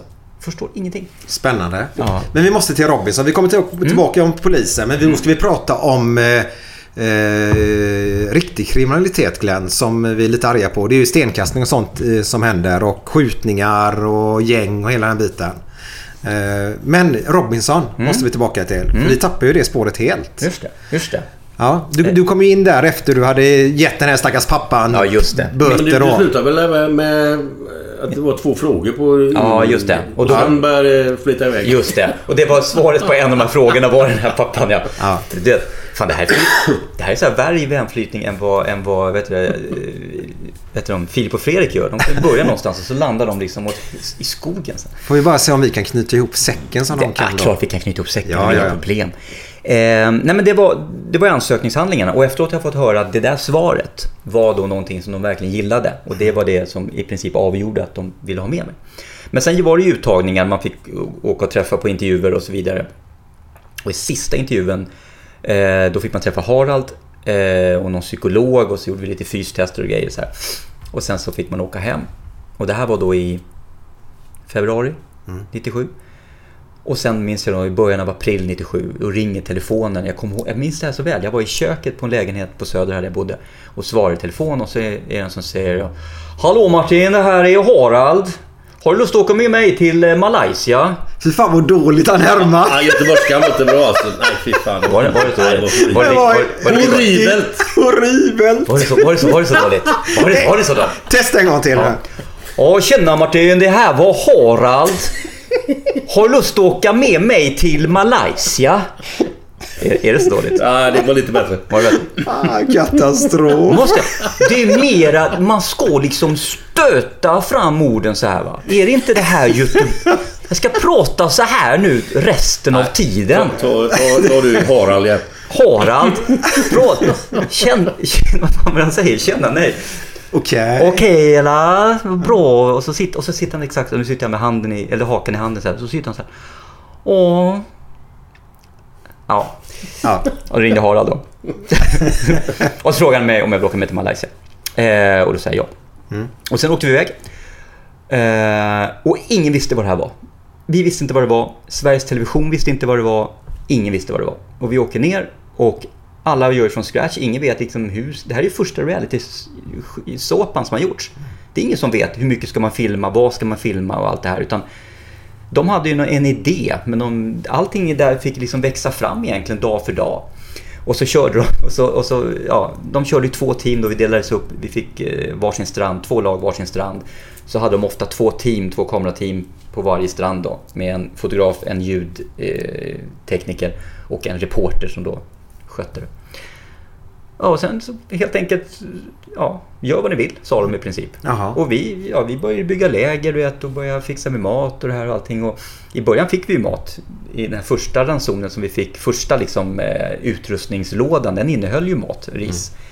Så vi hade ju ganska bra där första veckan. Vi körde ju tre rätters nästan. Alltså det var ju så här, det var ingen som tänkte på att det här maten skulle ta slut utan vi badade och byggde läger och hade kul och roligt och så.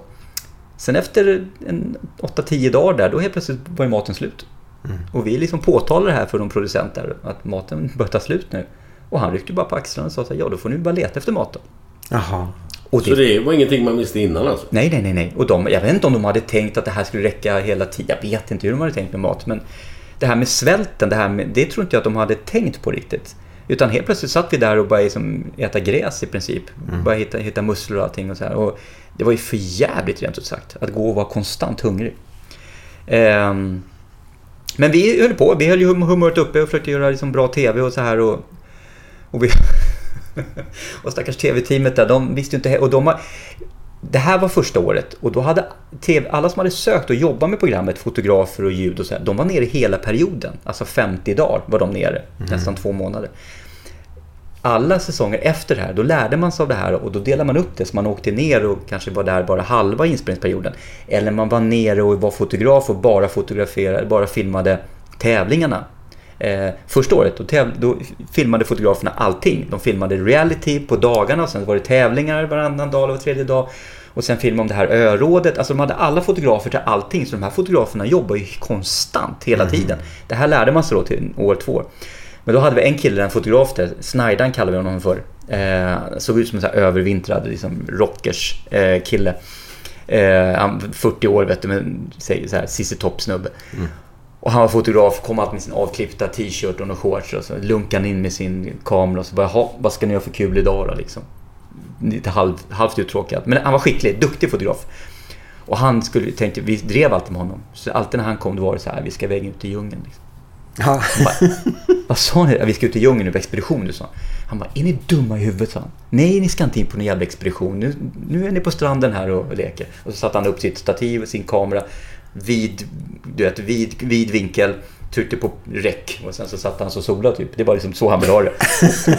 och när vi bara snackade om att vi ska ut i skogen, vet du, han bara, det får ni fan göra imorgon, då är jag ledig. Så, så att, ja, men det var, det var, så, här, vi, så att, vi lärde oss ett tag, efter ett tag liksom att anpassa oss till ölivet och det här tv-teams-teamen som fanns. Eh, Men de var stenhårda, de pratade inte med oss och vi, vi, fick alltid, vi fick inte ställa några frågor till dem eller något sånt här. Det var, Nej. äh, det var lite konstigt. Du sitter själv på stranden där så står det någon fotograf och en ljud och en reporter. Och man, man säger någonting, liksom, någonting om hur fan varmt det är idag och man får inget svar. Det är ju så, här, det är, det är så absurt korkat. Jättekonstigt. Ja, jättekonstigt. Verkligen. Eh, nej, men där körde vi. Och sen var det ju då, eh, och ingen visste riktigt vad det var. Inte vi heller. Så var det tävlingar då. Varannan dag var det en tävling. Man kunde vinna något pris. Eh, mat eller någon hängmatta och såna grejer. Och sen så var det var fjärde dag då så var det ölråd. Och då var det en tävling och så fick man ju immunitet eller så fick man ju då gå upp i ölrådet om man förlorade. Eh, och vi körde på allting. Och efter 44 dagar så var det final och så vann jag. Och då ska man veta att de sista de sista fem, nej, sista fyra öråden. Sista fem öråden. I sista programmet så var det ju inte öråd, men då var det så att när vi var fyra kvar så tävlade vi. Och då var det så att eh, den som vann tävlingen fick bestämma vem av de andra tre som skulle följa med till nästa. Och då var vi tre på nästa och då var det den som vann där som fick bestämma vilken, vem som skulle följa med och bli final. då. Så att det var egentligen två miniöråd kan man säga, fast det var bara en person som fick bestämma. Så de sista, de två plus de sista tre programmen, så de sista fem utröstningsmöjligheterna, så var det jag som skulle röstas ut. Eh, och det var alla öppna med. Så att jag, var alltså, jag hade alltså ett krav, jag hade en, en press på mig att jag var tvungen att vinna. Från program 6 så var jag tvungen att vinna allt.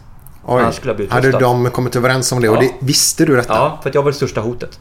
Hur, hur Eh, vet man det? Ja, men de säger det. Jaha, de de de säger hade liksom inte paktat ihop, men de var liksom ett gäng. De sa det, vi kommer rösta på det. Eller man, var- man var ärlig och säga det. Jag kommer, Ja. Vi kommer rösta på dig Martin om det är så att...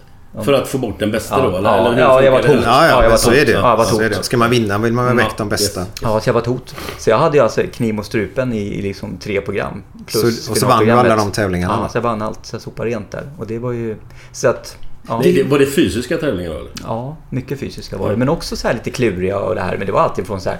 Man skulle blåsa liksom... Eh, så här pilar genom en sån här blås, blåsrör.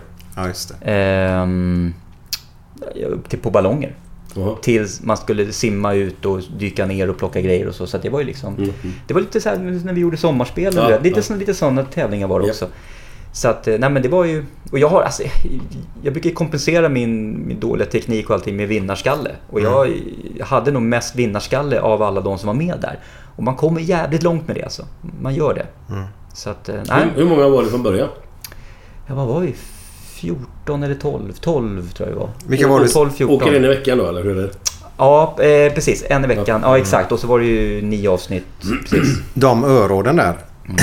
Eh, hur, hur länge var... eh, För det var jävligt bra filmat. Det var ju grymt filmat verkligen. Och det var ju musiken gjorde det. Och det var spännande. Men det roliga var, bara säga med öråden. Ja. Öråden filmades var fjärde dag. Eller var femte, var fjärde var femte dag. Och det filmades då vid halv sex på kvällen. Och kvart i sex varje kväll så kom ett plan som gick alltså då från Singapore och någonstans till Europa. Och de här ljudbommarna är så jävla känsliga. Så att va- då fick man vänta då i fem minuter medan det här planet hade passerat. Och vi satt och garvade åt det där varje gång. För att varje gång så här, halv sex var det samling där uppe då, vi, gick vi började. Och alla visste att, ja, där borta ser vi planet. Ja, då tar vi det lugnt här fem minuter och så här. Och alla sa, varför kunde vi inte ha börjat med örådet liksom så här 20 Klockan minuter senare? Ja, ja. precis, för att missa plan. Men då ville de ju ha det här ljuset. Det var ljuset. Och det, var därför, det är därför det är så otroligt fint filmat, hela Robinson. För att de, det är ju så fantastiskt ljus och de här solnedgångstiderna är så fina liksom. Så att väldigt, väldigt vackert filmat och det är också en av framgångsfaktorerna med Robinson. Att det var den här miljön. Det är ju den här exotiska miljön. Det är brunbrända människor som springer runt i som kristallblått vatten och det är palmer och det är så här. Sen att vi är smala, svälter och är jävligt skitiga. Men det är en annan sak. Ja, du gick väl in... Har du gick ner massa kilo eller? Jag gick, jag, gick ner, jag gick ner 20 kilo på 44 dagar. 20 kilo. Det är bra band. Det är bättre än våran träning Glenn. Ja. Ja, ja, ja, Robinson. Det är bästa bantningsmetoden. Men vad fan, ni måste ändå... Var ni ute i djungeln och jagade käk då eller? Vad fan? Vad var det Djungeln, något? fa- djungeln fanns det ingen mat. Vi hittade, i, om man tar en palm, alltså palmstammen. Så inne i palmstammen finns det en märg. Den märgen kan man äta. Innehåller ganska lite energi, men ändå lite grann. Smakar ingenting. Det är som gurka, typ. Så det åt vi. Men annars var det ju vattnet som gällde, havet då. Och då var det ju fisk, viss fisk. Ganska svårt att fånga fisk kan jag säga, men, men viss fisk. Eh, musslor. Det fanns såna här stora djävulsmusslor som kanske är, eh, kan det vara, 20 cm gånger 10 kanske. Riktigt stora jävla musslor. Så när man dyker ner så de har de ju öppna munnar, sen fångar de ju vad de nu fångar, små fiskar. Och, och sen tuggar de i sig dem. Och de här rackarna är ju fridlysta. Men vi hade tillstånd att plocka upp tre stycken. Hade vi tillstånd från de som äg, den som ägde ön. Malaysiska någonting. Eh, jag kan säga vi länsade det här jävla korallrevet på de där musslorna. Alltså. Vi plockade upp, jag vet inte hur många, 20-25 kanske. Alltså vi plockade upp allt. Vi tömde ju. Vi tömde ju bara. Vi var ju hungriga, vi hade skitmycket mat. Men var det mycket käk i dem? Det var rätt mycket mat i de där. Men det är så här, då är det musslans liksom, eh, muskel som man tydligen ska äta. Som man då steker eller friterar i någon slags olja. Gott vet jag inte, men man fick ändå en mättighetskänsla. Så det, mycket sånt. Mycket musslor och, och, och så en viss fisk då. Men alltså det var ju ingenting, det åt ju. Och sen, vi fick ju lite ris. För vi hade ju fyra, fem dagar där vi inte åt någonting, fanns ingenting. Och då fick vi en påse ris som flöt till land och så redovisades det i programmet och så. Och då fick vi alltså då, så sista två veckorna så hade vi alltså en näve färdigkokt ris. Tänk dig en näve färdigkokt ris i handen per dag. Det var vad vi åt. En näve ris. Oj, och ska man tävla på det sen också då? Och tä- inför tävlingarna så fick vi en frukt att äta precis Ja, för innan. sockret inte ja, ska- Ja, precis. För att få liksom lite energi helt Ja. enkelt. Och det kunde vara en banan eller en ananasbiten och sånt där. Mm. Annars var det ingenting. Men var det ingen som var orolig för att någon skulle bli sjuk eller kass eller? Som eller? sagt, första programmet, första året, de tänkte inte ens på det. De Men hade, var det någon som blev sjuk då? Eller som blev Ja, kass? Eller ja. som, som Vi hade en tjej... utmattning rent? Ja, alltså det var ju två som hoppade av på grund av utmattning. De Okej. sa det, rösta hem mig. Mm. Rösta hem mig bara, sa de. Ehm, just det, det var, jag sa ju att det här att jag vann alla tävlingar. Det var faktiskt en, ett, en gång då jag faktiskt inte vann. Och sk- skulle blivit utrustad. Men då är det en kille som säger att han vill åka hem. Ah. Så var det. Jag räddades av honom, Johan där ja. För han hoppade, han hoppade av frivilligt. Han klarade inte av eh, hungern framförallt och pressen. Ehm, Men, men det var en tjej som hamnade på sjukhus också, lite innan där. Hon blev också dålig. Jag vet inte vad det var hon drabbades av, men två som... Två tror jag, tre, undrar om inte det var en tjej där också som bad. Jag tror det var tre kanske som, som inte klarade av för att de blev dåliga helt enkelt. i Vad var det för folk som var med? För man kanske känner igen dem. Första året så hade vi en kille från Göteborg som heter Marcus, en mörk kille. Mm. Eh, och sen var det en, en, en som folk brukar känna igen, hette Kent. Ja, det är den Med äldre yxan, Den med- äldre. ja. Ja, Han som skulle lära dig hur en knop... Ja, han skulle ju lära mig hur man... Exakt. Det var väl han? Ja, han knuffar, det syns på bild. Han knuffar alltså undan mig och, Ja. och, och, och tar han... Och jag tänkte så här, men för, för, fan jag är ju skepparexamen för det första och för det andra så här, alltså att, att slå, alltså en, en, man har ju boxerat bilar, man vet ju hur man knyter ihop liksom ett snöre. Ja. Nej, han skulle visa hur man gjorde. Ja. Och jag brukar förklara för Kent att Kent för fan du är från Norrland, det är snö, det är kallt, nu är vi på en öde ö, det är varmt, det är jättestora kontraster. Tro mig. Det är, det är inte alls som att leva. Men han var, Speciell. han var besserwisser, men jag gillade Kent. Jag gillade honom jättemycket. Var det han en gråhårig med skägg? Ja, exakt. 80 bast såg jag att han är nu. Oj, oj, Ja, han var oj. ju 60 år när han var med alltså. Det är starkt. Stort, Jätte- starkt. Och han gick i final. Det var han och jag i final. Eh, och sen så var det en kille som heter Jürgen eh, som var från Göteborg. Också kock. Han hade precis suttit på kåken två år tror jag. För narkotikabrott. Och kom i princip direkt från fängelse till ut till ön. Tror han hemma. Till nästa fängelse. Nästa fängelse. Så Ett var- värre fängelse nästan. för, för honom var det här ingenting. Ja. Nej, men han, var, han var skön. Vi kom jättebra överens. Han var cool. Eh, och sen var det en tjej som hette Åsa. Åsa Wilbäck. Hon som blev så här Dr. Åsa ja. sen TV. Som Jaha. hade problem med sin man sen. Ja, det var säga. någon som eldade upp något, något hus där. Det var ju Pierre Choris hus. Gamla hus. Exakt. Jag känner igen Pierre Choris. Vem är det? Gammal sosse va? Jaha. Ja, skitsamma. Ja, skitsamma. Hon. Pulka är inte bra att ha med sig när man ska Nej. elda. Nej. Så kan vi säga. Ja, det är dumt framförallt. Och lämna kvar det. Ja, åka och köpa grejer och sen göra det själv. Alltså det, det, det, ja, men det är som jag, vi satt och pratade i polisbilen. Konstiga grejer, vi satt och pratade i polisbilen. Men vi satt och snackade om det här att mörda någon. Ja. Hur Att mörda någon? Att mörda någon. Hur svårt det är. Otroligt svårt. Om det inte är att du ska gå... Det att om jag inte åker till Sundsvall och i mörkret skjuter någon som jag inte vet vem det är och sen åker därifrån direkt. Men det är en annan sak. Sån här lustidiot-grej. Men en anhörig. Ja. Otroligt svårt. Vi satt och pratade om olika metoder, olika saker och så fick man kontra med hur polisen skulle ändå komma på det här och märka det här. Otroligt svårt.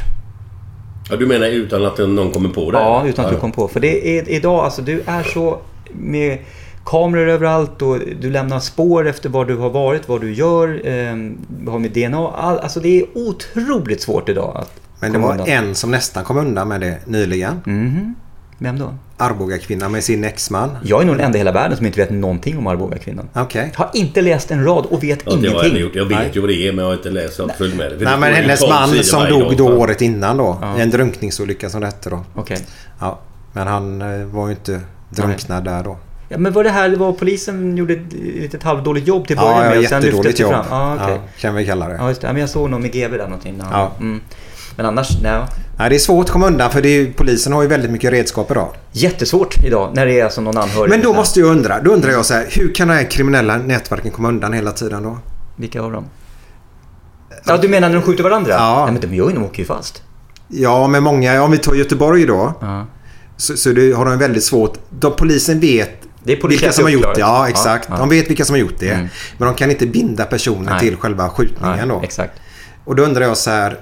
Eh, Vad är det som är så svårt att få den bindningen där? Därför att det, du måste ha, i princip måste du ha teknisk bevisning. Eller, ja, eller någon som vittnar och säger det var han som sköt. Ja. Och vittnena finns ju inte i den här världen.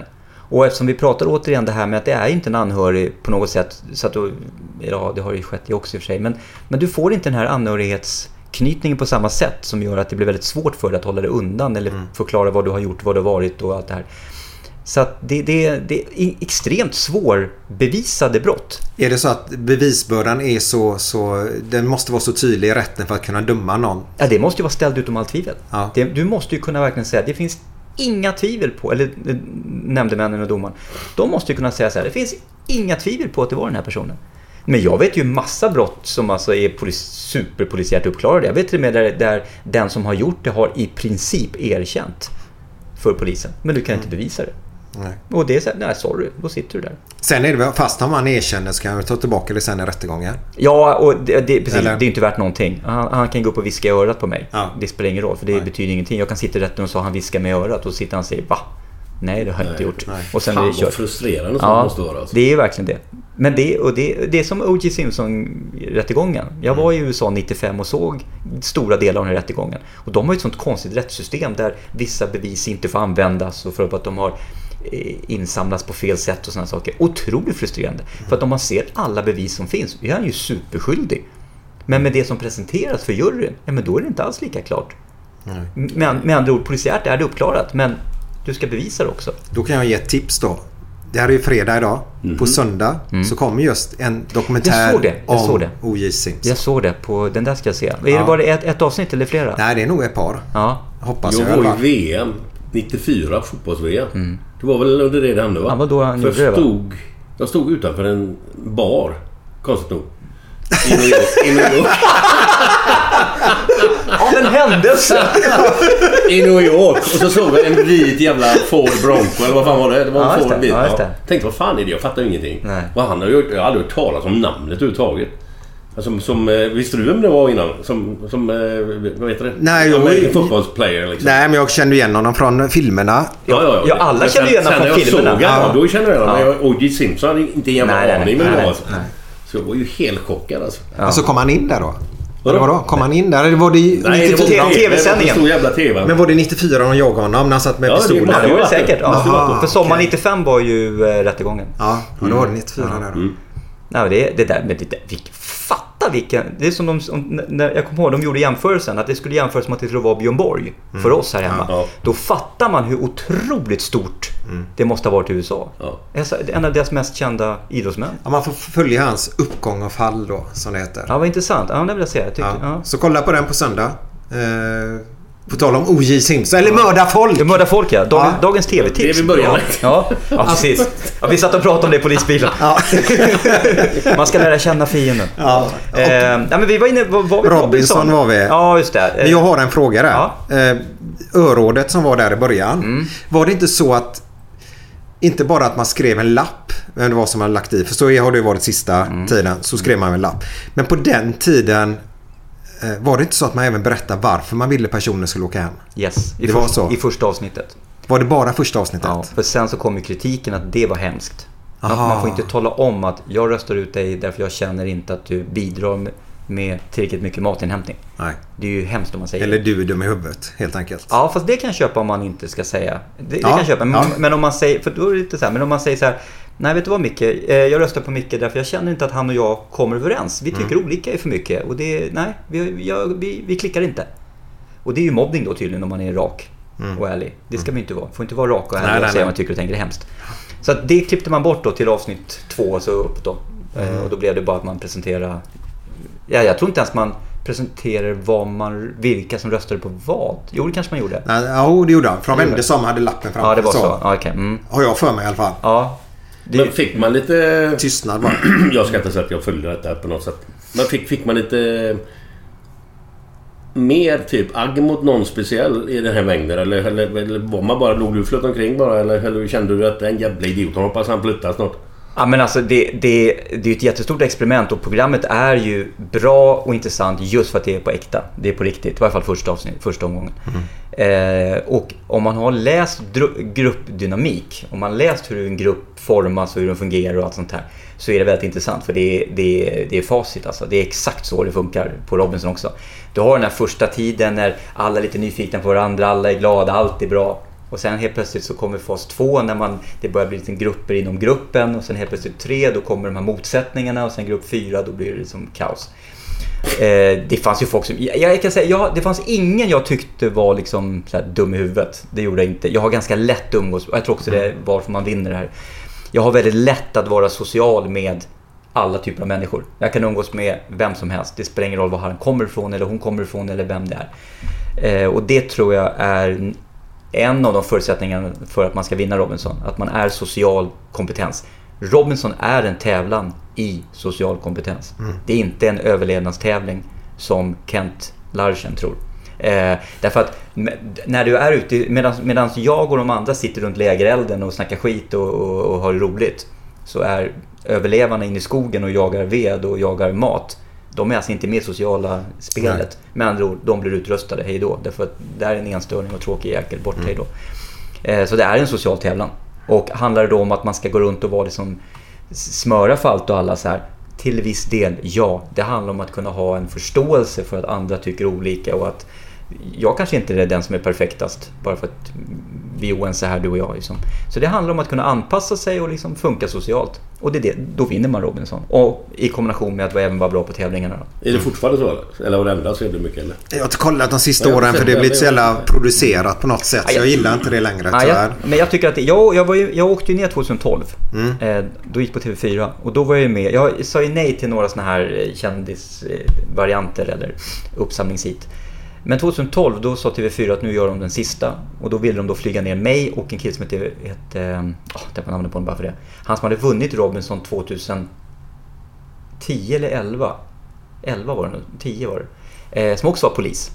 Eh, Mats Kemi heter han, Mats Kemi. Han var också polis, gammal sån här insatsstyrkan, piketen, polis. Och jag minns när han var med hur jag såg det och tänkte fan alltså, han, man hade ju inte haft en chans där mot honom alltså.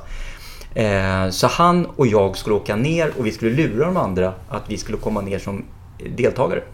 Och vara med i varsitt, varsitt lag. Men vi skulle egentligen bara vara med i två avsnitt.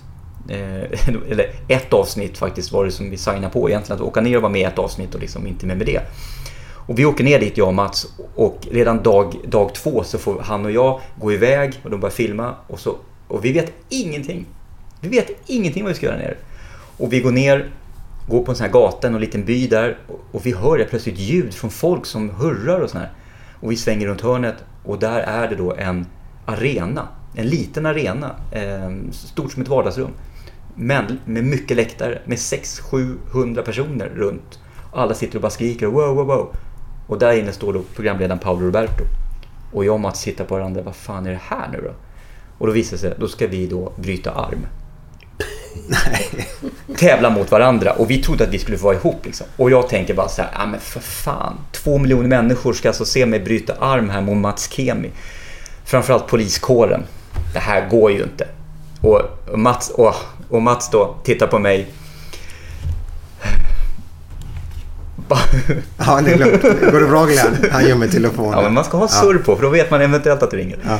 Eh, i alla fall. Och Mats då, han tittar på mig. För han vet ju att han är starkare än vad jag är. Han är ju liksom dubbelt så stor. Och vi går in och jag Ja, känner... låt han ringa Glenn. Och jag Det är bättre skitsamma, vad fan. Ja, Ja. Det, det, är ju live. Det, det, Ja, ja. det visar ju bara till live, ingenting klipps här. Det är ju så det ska vara. Kör. Det har hänt värre grejer än en telefon kan jag säga. Lasse Kronér fick en champagnekork i huvudet. Nej. Jo. Nej. Glenn skulle dra upp en champagne när vi firar ettårsjubileum då. Ja. Så är vi hemma hos Lasse Kronér. Ja. Och säger Glenn så här, är det något som är dyrt eller? Jag att han inte skulle träffa dig då. Så skjuter han upp den rätt i tak, sen rätt ner i Lasses huvud. Fan, det, är, det, är, det är en bedrift och ja, grejer. ja, ja, det är grymt. I'm Sandra, and I'm just the professional your small business was looking for. But you didn't hire me because you didn't use LinkedIn jobs. LinkedIn has professionals you can't find anywhere else, including those who aren't actively looking for a new job but might be open to the perfect role, like me. In a given month, over 70% of LinkedIn users don't visit other leading job sites. So if you're not looking on LinkedIn, you'll miss out on great candidates like Sandra. Start hiring professionals like a professional. Post your free job on linkedin.com/achieve today. Hold up. What was that? Boring. No flavor. That was as bad as those leftovers you ate all week. Kiki Palmer here, and it's time to say hello to something fresh and guilt-free. Hello Fresh. Jazz up dinner with pecan-crusted chicken or garlic butter shrimp scampi. Now that's music to my mouth. Hello Fresh. Let's get this dinner party started. Discover all the delicious possibilities at hellofresh.com. Since 2013, Bombas has donated over 100 million socks, underwear, and t shirts to those facing homelessness. If we counted those on air, this ad would last over 1,157 days. But if we counted the time it takes to make a donation possible, it would take just a few clicks. Because every time you make a purchase, Bombas donates an item to someone who needs it. Go to bombas.com slash ACAST and use code ACAST for 20% off your first purchase. That's bombas.com slash ACAST, code ACAST. Ja, men du Ja, fortsätt nu. avbröt Ja. Ja, ja, nej men, nej men ehm, Jag ska bryta arm med Mats Kemi. Två miljoner som tittar. 700 på läktaren runt om som hurrar. Paolo Roberto som står och gapar och skriker naturligtvis och är tokig. Och jag känner bara så här, återigen hur man plockar fram den här vinnarskallen. Jag tänker, jag ska fan inte förlora. Och bäst av tre. Och jag vinner med 2-0. Och det här klippet finns inte på YouTube. Nej. Och det här klippet finns inte på YouTube. Så att vi måste ju få fram det till TV4 nu inför den här nya säsongen. Att de kan klippa ihop med bästa av vad som har hänt så får de ju ta med det här. Självklart. Självklart. Så att, men då var jag med. Men eh, för att komma till då skillnaden. För då åkte vi ut. Då visade det sig att vi fick välja då varsitt lag vi skulle ut till. Jag åkte ut till ett lag. Och då var det alltså 2012 jämfört med 97. Jättestor skillnad om hur de producerade programmet. För helt plötsligt så var det var ju styrt. Alltså det kom fram producenter och sa kan inte ni gå bort här nu och, och eh, sätta er här och prata runt lägerelden och prata lite om, eh, om Martin som har kommit hit nu. Alltså de styrde. Kan ni inte gå iväg dit bort nu och så prata lite om den här båten som har kommit här nu. Vad, vad den betyder. För. Så de styrde vad man skulle göra och prata om och det var inte alls lika roligt. Nej. Eh, så att jättestor skillnad på faktiskt mot första året mot då, ja, 2012. Ja, och jag gillar ju... spontant. Nej. Nej, och jag gillar ju första året. Och det, jag kan bara ta en liten jämförelse då. Eh, jag gillar ju att se på Parneviks. Första säsongen som kom var ju så jävla bra. Nu såg jag senast här nu då. Det var ju så jävla styrt också. Så det, det tappade charmen faktiskt. Det är svårt att göra många sådana här serier i, där, där det handlar om spontanitet och där det bygger på liksom verklighet. Det är svårt svårt att göra sånt. Men nu vet man, ja nu går det en stund, nu ska det vara lite roligt där. Nu ska någon lägga sig vid stranden och gå och köta där. Nu ska hon gå bort Mia då med den personen och prata någon svårighet som den här personen varit med om. Man vet exakt hur det ska gå och det, ursäkta mig men jag tycker det är svintråkigt Ja, ja, faktiskt. jag håller med dig. Mm. Nej, jag håller med. Så jag gillar det spontana som var 97. Och då var det stort. Hur mycket pengar vann du? Eh, vinsten var, och det är också roligt, för det var ingen som pratade om vinstpengar någonstans förrän i princip vi skulle åka ner. Då kom de fram och sa ja, det är inte bara äran ni vinner, ni vinner även vinst, även pengar. Jaha, tänkte vi. Det hade vi ingen aning om. Och då var vinstsumman 250, till ettan då, 250 000 efter skatt. Och de Ja. andra fick då, eh, tvåan, trean, fyran fick 25 000 efter skatt. Så 250 000 efter skatt. Eh, så att i mitt fall innebar det, för jag fick ju tala om då hur mycket jag skulle tjäna det året och så lade de på. Så det var 580 000 före skatt jag vann. Aha, okej. Så, Ja. ja. så, så Ja, för att det ska bli för- 250 Ja, netto då. Exakt. Ut i Men det är jävligt bra för 20 år sedan. 97, ja det var mycket pengar Massa 97. pengar. Nästan dubbelt om jag jämför med- Men, men jag har ett minne nu. Nu måste du rätta mig. Mm. För jag har för mig att du sitter i programmet och säger så här att Nej, eh, du var ihop med en tjej då va? Mm. Jag, vet, jag vet var du ska komma. Okej. Mm. Eh, så säger du så här att ja, men vinner jag pengarna? För jag kommer ihåg att alla deltagare där då som var kvar i slutet. Vad ska du göra för pengarna då? Mm. Eh, så jag har för mig att du säger så här att nej men jag ska bygga ett hus. Köpa. Köpa ett hus då. Ja. Eh, alltihopa. Sen dagen efter när du har vunnit och alltihopa på löpsedlarna där på söndagen. Så har jag för mig att du står på första sidan Uppfläkt med armarna ut som världens värsta kung. Lutad över en röd sportbil. Mm, eller svart. Mm. Var det svart? Okej. Ja. Det stämmer eller? Så här var det. Jag har klippen där. Har du det? Ja. Kan vi fota dem sen? Fan vad Ja, häftigt. ska få se de klippen här. Så här var det. Jag, de folk frågade, vad ska du göra med pengarna? Så, då sa jag så här, vet du vad? För till saken hör också att min dåvarande flickvän, hon hade jag vann ju en tävling. Som, där priset vi inte visste vad det var, men någonting vi gillade. Och vad priset var var att de hade flugit ner en anhörig. Det vill säga henne. Flugit ner till Malaysia, så jag får träffa henne i en timme på ön. Eh, det var priset. Och, då, och man blir ju så här euforisk och allt det här. Eh, Vad gör man under den tiden? Ja, det, det blev ju inte det som man hade velat göra kan jag säga. Du har ju tv-team med dig och hon ska träffa de andra och allting. Och helt plötsligt säger hon så här, jaha då får hon åka hem i båten här nu och man bara... Vi var inte riktigt klara här. Vi var inte riktigt klara här. Så att nej, I, I wish kan jag säga. Det, det, det, det, ja, det fanns inte läge för det tyvärr. Så det var 44 dagar celibat som jag sa förut. Jo, eh, och så i alla fall. Eh, så att de frågade vad jag ska göra och då, vi, hade, vi hade pratat om att vi skulle köpa hus, hon och jag. Eh, eller radhus till och med var det. Så att då säger jag så här, att "Nej, men pengarna ska gå till att köpa radhus. Och det här spelas in på sommaren, så jag kommer hem i juli, augusti. Och vi går på två, tre kanske husvisningar där i augusti, september, för vi har ju 250 000. Bra insats. Fast det var faktiskt inte 250 då, det var 220 därför 30 000 av de där pengarna tog jag för att betala av mitt billån på den här sportbilen som jag hade köpt innan jag åkte ner till Robinson. Jaha. Ja, ja, den bilen hade jag redan. Men jag hade ett billån på 30 000 på den. Så jag tog 30 000 och betalade med. Vilket innebär att jag har 220 000 kronor kvar av de här 250 000. Eh, och sen går vi och kollar på olika radhus, eh, flera visningar. Men ingenting som, ingenting som funkar. Och sen där i, någon gång i två, tre månader senare, då börjar det mm, rassla mellan oss. Och vi gör slut. Så att i december, när det sista programmet sänds, då är det för det första slut mellan oss. Och journalisterna går på mig och säger Åh, vad gjorde du för pengarna? Vad gjorde du för pengarna? Vad gör du nu? Så här, ska det bli hus nu? Så här. Då sa jag så här, nej, jag, sa jag så här, nej, jag har pengarna kvar. Ja, ja, jag har använt 30 000 till att betala av mitt billån, berättade jag. Martin köpte sportbil för pengarna. alltså det är så fel så det finns inte. Det är ju så jättefel. Och jag vet att Per heter han den här journalisten. Jag pratade med efteråt och han, han sa ju att det var inte jag som gjorde rubriken. Ja, men det skyller de ju alltid på. Ja, jag skyller alltid på, för att läser Ja. man texten så indikerar det också. Så det sjuka är att här fick jag höra under två, tre års tid fick jag höra till ja det gör jag. Du ljög ju, du köpte ju bil för pengarna. Nej, jag köpte inte bil för pengarna. Jag, jag betalar av ett lån för 30 000, det står jag för. Men de andra pengarna, jag har kvar dem. Jag hade till och med kvar dem två, tre år efteråt. Det var de skulle gå. Och i förlängningen någonstans så har de väl gått till den lägenhet vi sitter i idag då. Ja. Ja. Jaha, så du fick skit för det alltså? Ja, du fan. fick det? Mm, som fan. Martin ljög eh, titt- tv-tittarna rakt upp. Du ska få se klippen sen. Jaha. Fan vad lätt det är att Ja. ha sådana här förutfattade meningar Ja, och, det, och just också att folk inte riktigt tar reda på vad de tror på det som står och, det, och allting så här. Och journalisterna ska hitta sin vinkel. Och, och det var ju också en förklaring till varför det är också många menar på så här, men hur kommer det sig att det blev så mycket massmedia? Hur blev du så känd? För all, all, varenda svensk visste vem man var. Och det var ju det att Robinson säger var så stort och som du sa, alla människor tittade på programmet. Alla verkligen gjorde det och tittarsiffrorna ökade ju enormt ju mer, eh, alltså avsnitt 4, 5, 6, 7. Så vid avsnitt 9 då var det ju så här, det var ju 2,5 miljoner människor som tittade på programmet. Och sen när programmet tog slut, då satt svenska folket och bara så här, hallå, vi, Ja. vi vill ha mer, vi vill ha mer. Och skickliga och duktiga redaktörer på tidningen och fattade att vänta lite nu, vi hakar på den här snuten som vann här. Han verkar ju kul, han hakar vi på. Och så skrev de ju om allt jag gjorde och allt jag sa allting och så. Och det sålde. Och jag har pratat med journalister efteråt där, de berättade att när de hade mig på löpet, alltså de, de, de såg alltså stapelskillnader på hur mycket de sålde. Eh, Jag sålde något så in i helvete under den här perioden, under, under en två månaders period.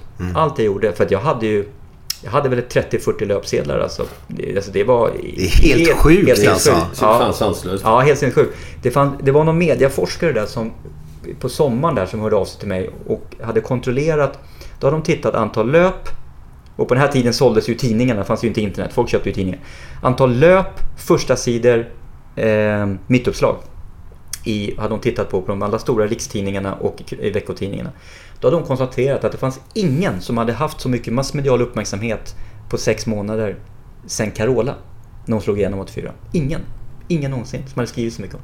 Då fattar man egentligen genomslagskraften som det var. Med sånt program. ja. Mm. Fa- Otroligt. Frågan är om det någonsin kommer komma tillbaka ett sånt genomslagsprogram. Nej, alltså jag är inte, TVn är ju på väg att dö ut. Alltså, det är ju bara att kolla mina barn. De tittar ju på, det är ju YouTube alltså. Ja. Det är som här YouTube-stjärnor. Vi går på stan så säger min, min, min dotter, där går han. Och jag tittar, vad är det? Nej, det är en jättestor YouTube-stjärna. Han har så här 400 000. Men fan, han är ju 12 år. Ja. Han är ju för fan 12 år, vad menar du? Ja, han är jättestor. Ja. Det är helt sjukt. Glenn, Ja. nivåsättning vill jag ha. Det har Ja. vi glömt. Ja, Ja, kan jag få det då? ja vi ska få det nu. Ja, men kan, Ja, jag få... kan, jag få, kan jag få börja? Ja, ja. Förlåt, förlåt. Jo, det var så här att det var ett eh, gäng spermier som var på väg att simma på ett ägget. Och så helt plötsligt så är det en som vänder sig om och så säger han så här. Herre jävlar, nu börjar jag bli trött. Alltså, är det långt kvar eller vad fan är det? Frågar de ledaren då. Då säger han vänder sig om och säger långt kvar. Så han, fan vi har precis passerat mandlarna.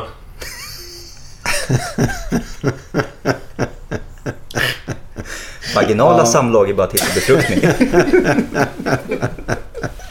Vad- Det var den nivån du vill ha? Det var den nivån det skulle vara då. Men då måste vi, kan vi fortsätta på det svanet där. På Robinson. Du sa celibat i 44 dagar. Mm. Ja. Men du fick väl någon massage där nere eller? Kan du berätta? Helt, också finns på YouTube om man vill se det här fantastiska snoppmassagen. Man söker på snoppmassage. Och vi kan säga så här, det var inte en kvinna som masserade dig. Nej, Vad var det? Nej det var... En apa? det var- Nej, lyssna. Nej, men det var, det, var, det var en ful malaysisk man. Hade, Du, det hade jag- varit någon skillnad om man var snygg. Ja, ja, det hade varit lite skillnad. Men du måste ju berätta nu. Du vann väl en tävling va? Åsa, en av deltagarna, vann en tävling. Doktor Åsa. Dr. Åsa vann en tävling. Och då fick hon ta med sig en person. Och då tog hon med mig. Och priset var att vi skulle få massage, spa och det, frukter och gott och så här, på stranden. Vad var första tanken då? Nej, den tanken fanns inte. Nej, jag säger inte den. Vilken den? Vadå? Jag har inte sagt någonting. Du har ju Men- fan satt nivån. Du bara, nu, nu, nu ska han ligga med Åsa tänkte du. Först sätter han nivån och sen låtsas Sen som låtsas inte jag det är. ingenting. Ja. Nej, nej. Och fråga liksom så här, ja, när din tjej kom ner, vad gjorde ni då? Och, också bra nivå, jag gillar det. Vi låg inte heller. Jag kan säga det mesta går åt det hållet när det gäller Glenn. Ja, ja, det är lugnt. Ja. Det, det, det, ingenting gick åt det hållet på den här ön kan jag säga. Nej, jag är ledsen men Ja. vi kör, kör på. Men hade första priset varit det, ja. Nu hade jag ju tjej på den tiden så hade det inte hjälpt. Naturligtvis.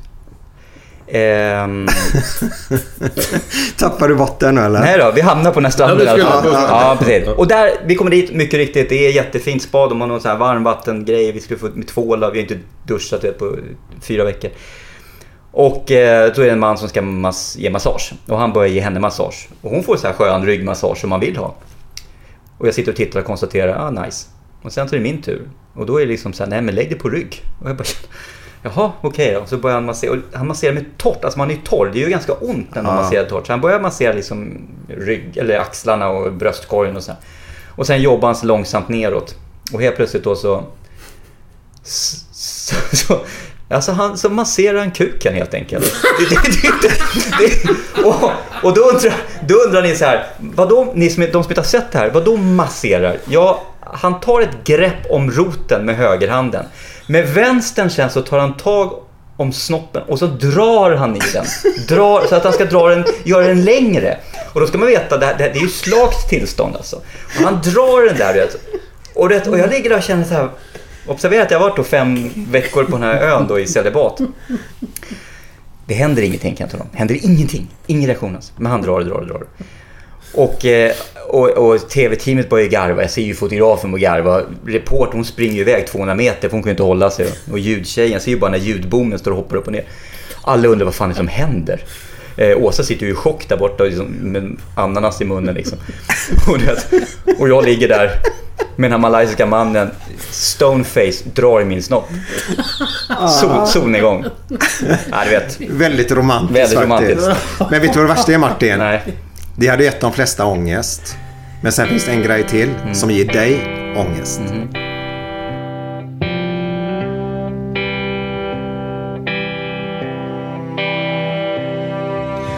Fem på morgonen i New York City går en man i en sliten gammal hatt.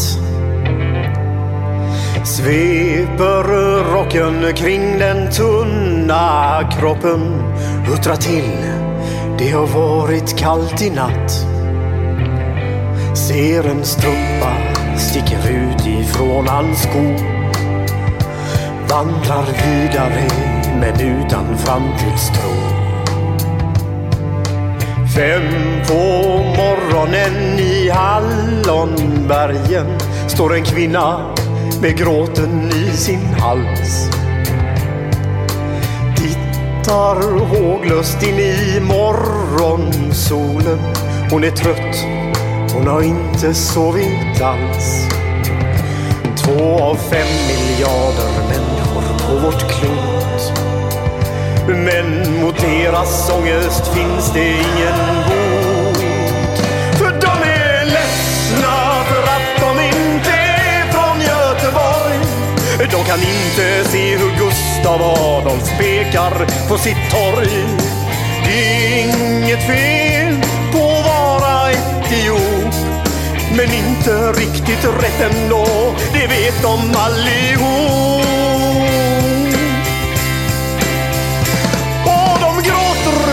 Krampar när de får en inre syn av hur vi som är från Götet tar en öl på Avenyn.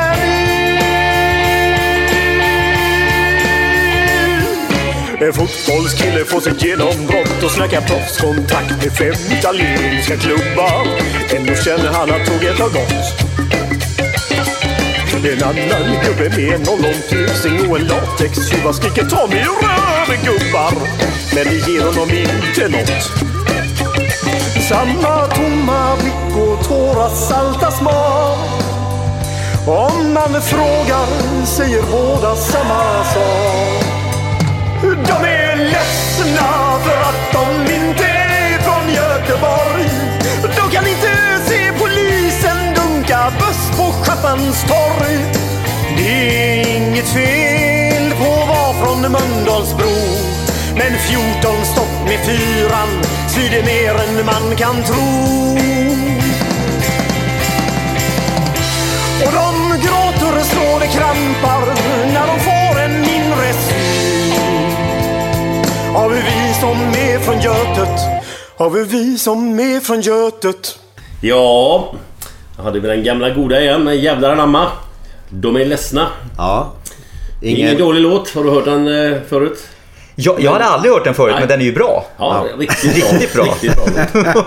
Men vi, behöver, vi har ju ingen ångest Glenn i alla fall. Nej, nej, inte än så länge i alla fall. Nej. Jag såg lite klipp här nu men som nästan... Ja, men då fick du ångest. Ja, det fick jag lite. Vad, vilket klipp har du sett här nu under Nej, jag såg låten? faktiskt något sån här penisklipp från... Eh, eh, Massagen. Malaysia var det va? Ja, med eh, Robinson där. Det var Ja. Någon eh, liten brun fjant står och drar i Martins penis. Det var ju... Spännande. Det såg, ganska, såg ut att göra lite ont om man säger så. Ja, jag kan ta, prova själv för att se. Och en hand såg vi ju faktiskt var ju innanför brallorna och Ja, en jag- hand på utsidan då. Ja, jag ser det nu alltså. Ja. Men, men har du någon aning om om eh, han gjorde det liksom improviserat eller skulle det vara det meningen? Nej, jag tror att det var väldigt improviserat om ska vara. Men, men någon försökte ge en förklaring, vilket är en logisk förklaring, men jag vet inte om det stämmer naturligtvis. Det här att det här, det här är någon sorts... ehm, man gör så här när pojkar ska bli män. Ja, okej. Typ. Aha, okej. Ja, jag vet inte. Så han såg det som en pojke? Förmodligen. Ja. Vilket ju skrämmer mig kanske ännu mer. Men du, men, men du var 26-27 år där eller? 30. Ja just 67 är du född ja. 30 var det ja. ja. 30 ja. Så att jag var... ja, så jävla ung var man Då har du fyllt 50 nu ju. Ja, visst. Grattis. Ja, tack. Har du fyllt? Ja, ja visst. I mars. Ja, grattis. Ja, tack. grattis. Ja. Hur, bara en fråga, hur känns det? Alltså, jag är Nej, men, nyfiken. ja, alltså, jag har aldrig haft någon sån här 30-årskris, 40-årskris eller någon sån här. Och, och ingen 50-årskris heller. Men nu, man börjar ju tänka på det här att fan, det är så mycket jag vill göra. Det är att livet, alltså hur, hur lång tid kan jag liksom spela fotboll med mina grabbar eller du vet hålla på och laja och, alltså, med barnbarn. Alltså, hur länge kommer jag, är, har jag 20 somrar kvar eller har jag 10 somrar kvar?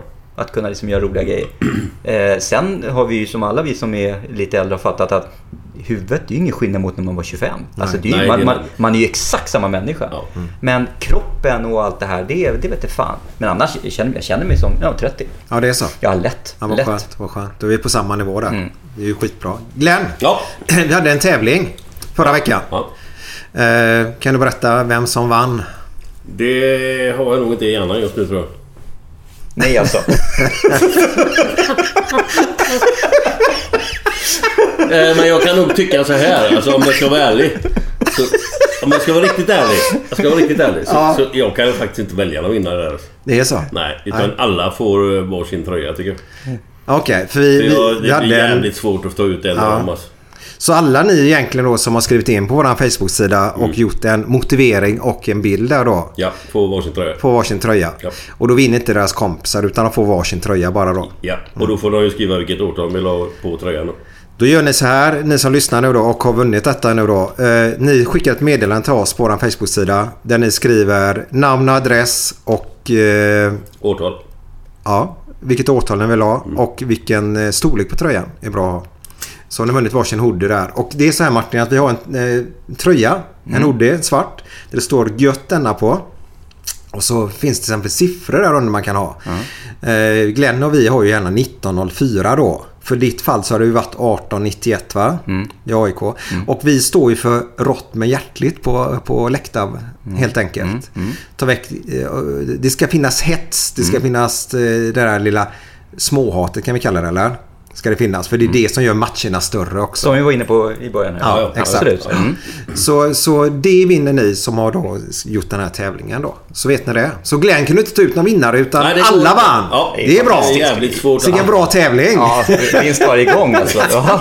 Det var synd att ta ut någon speciell bara. Ja, du hade svårt för det sa Ja, det du. var, nej. Ja. Det var jävligt bra inskick allihop. Ja. Bra. Martin, Ja. du ska in i politiken. Mm. Men innan du kommer in i politiken så måste du förklara oss. Varför ser det ut som det gör i, i alla förorter idag? För jag säger förorter idag. Med knarkhandel, skjutningar, eh, you name it då. Eh, Du som jobbar inom polisen då. Hur går snacket hos er? Nej, men till att, börja med, så, till att börja med så måste man ha klart för sig att, att majoriteten av alla människor som bor i de här utsatta områdena är skötsamma. Det är schyssta och vanliga människor. Eh, Det, det får man aldrig glömma bort. Sen har du de här, om det sen är 20 eller om de är 200, beroende på hur stor förorten är, som då stökar och, och håller på. Och de håller på med kriminell verksamhet i det här området. Eh, och de är inte intresserade av att ha polisen i det här området. Och så länge polisen inte är ett naturligt inslag i gatubilden, så länge polisen alltså bara kommer när någonting har hänt, istället för att vara där innan någonting händer, så kommer, så kommer vi aldrig få bukt med det här. Och sen får man inte glömma bort heller att många av de här människorna som bor i de här, ort, för, de här förorterna, de kommer ifrån länder där polisen står för korruption och misshandel, tortyr, förtryck. Alltså polisen är någon, någon man inte litar på. Och så kommer de till Sverige och vi vet ju att polisen, man kan lita på polisen. Polisen finns ju där för att hjälpa folk. Och det måste de få lära sig och det kan de ju aldrig lära sig om vi inte är där. Så med andra ord, polisen måste finnas i förorten. Vi måste finnas där. Och om du frågar min mamma som är 76 år om vi ska vara där, där det begås, om polisen ska vara där det begås brott eller om polisen ska vara där det inte begås brott. då kommer hon säga att det är klart att polisen ska vara där det finns problem och brott. Med andra ord, mi- min mamma tycker att det ska finnas poliser i förorten. Men av någon anledning så tycker inte vissa människor det. Och tyvärr är det de som styr och ställer som inte tycker det. Och Så det är alltså inte bara resurser utan det är fel val av de som bestämmer. Ja, det handlar om resurser för att kunna vara där. Vi måste ju anställa poliser så vi kan vara där. Idag finns det så lite poliser att vi inte ens hinner hjälpa allmänheten som vill ha hjälp. Vi klarar av de absolut grövsta sakerna. Om någon hugger någon med en kniv eller om någon skjuter någon eller rånar. Då kan vi åka, för vi kan omprioritera och då kan vi åka. Men om du ringer och säger att du, jag ser just nu från min balkong här att det står någon och håller på att bryta sig in i min bil. Det är, inte, det är inte garanterat att du får hjälp. Det är inte garanterat att polisen kommer. Om en butiksägare ringer och säger Hej, jag har tagit en person som har stulit i min affär här. Jag sitter med honom här. Ja, det är inte säkert vi kan komma då. Då kan ringa och säga att du får släppa honom. Därför att butiksägaren kan ju inte sitta fyra timmar med honom och vänta. Han måste ju jobba samtidigt. Så att den här vardagsbrottsligheten idag klarar polisen inte av. Eh, och så länge vi inte klarar av den, nej, men då har vi ju en kris i min värld. Men de styrande står ju och säger, Ygeman står och sa i förrgår, det finns ingen kris inom polisen. Och i min värld är det här en jättekris. Om vi inte kan åka och hjälpa folk. Och så länge vi... De, för, för varje dag som polisen inte är ett naturligt inslag i gatubilden i förorterna så förlorar vi mark varje dag som går. Och det fortsätter och fortsätter. Och de styrande, vad säger de? Jo, vi ska satsa på polisen om två år. Varför säger man inte, ja, men vi börjar satsa nu, vad är klockan? Vi satsar, om en timme börjar vi. Jag fattar inte varför man inte gör det. Så Nej, de styrande verkar inte intresserade. Och det här är inte, har inte med partipolitik att göra. För att Alliansen, ska man klart för sig, var inte dugg bättre när de styrde. De satsade inte heller på det här då. Men jag menar på att problemet har eskalerat och idag är det så belyst av poliser som jobbar, som talar om det här.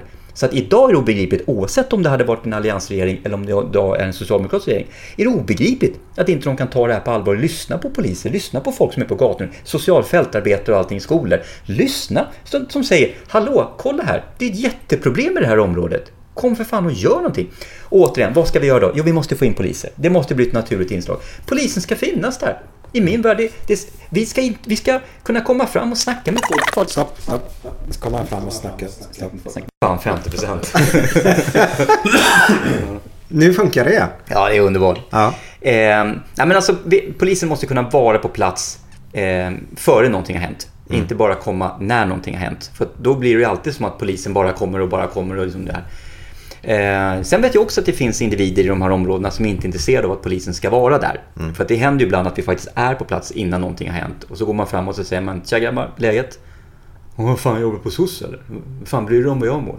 Liksom, då, man bemöts av ett väldigt otrevligt eh, attityd.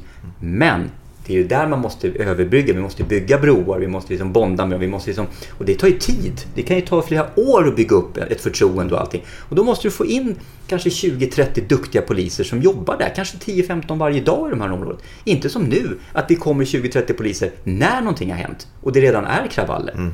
Så att det, alltså, lösningen är inte så jävla svår egentligen. Det är inte hjärnkirurgi vi pratar om. Men det, det är ju för fan sunt förnuft. Alltså om det kör omkring en polisbil eller två i ett område som är jävligt ja, oroligt.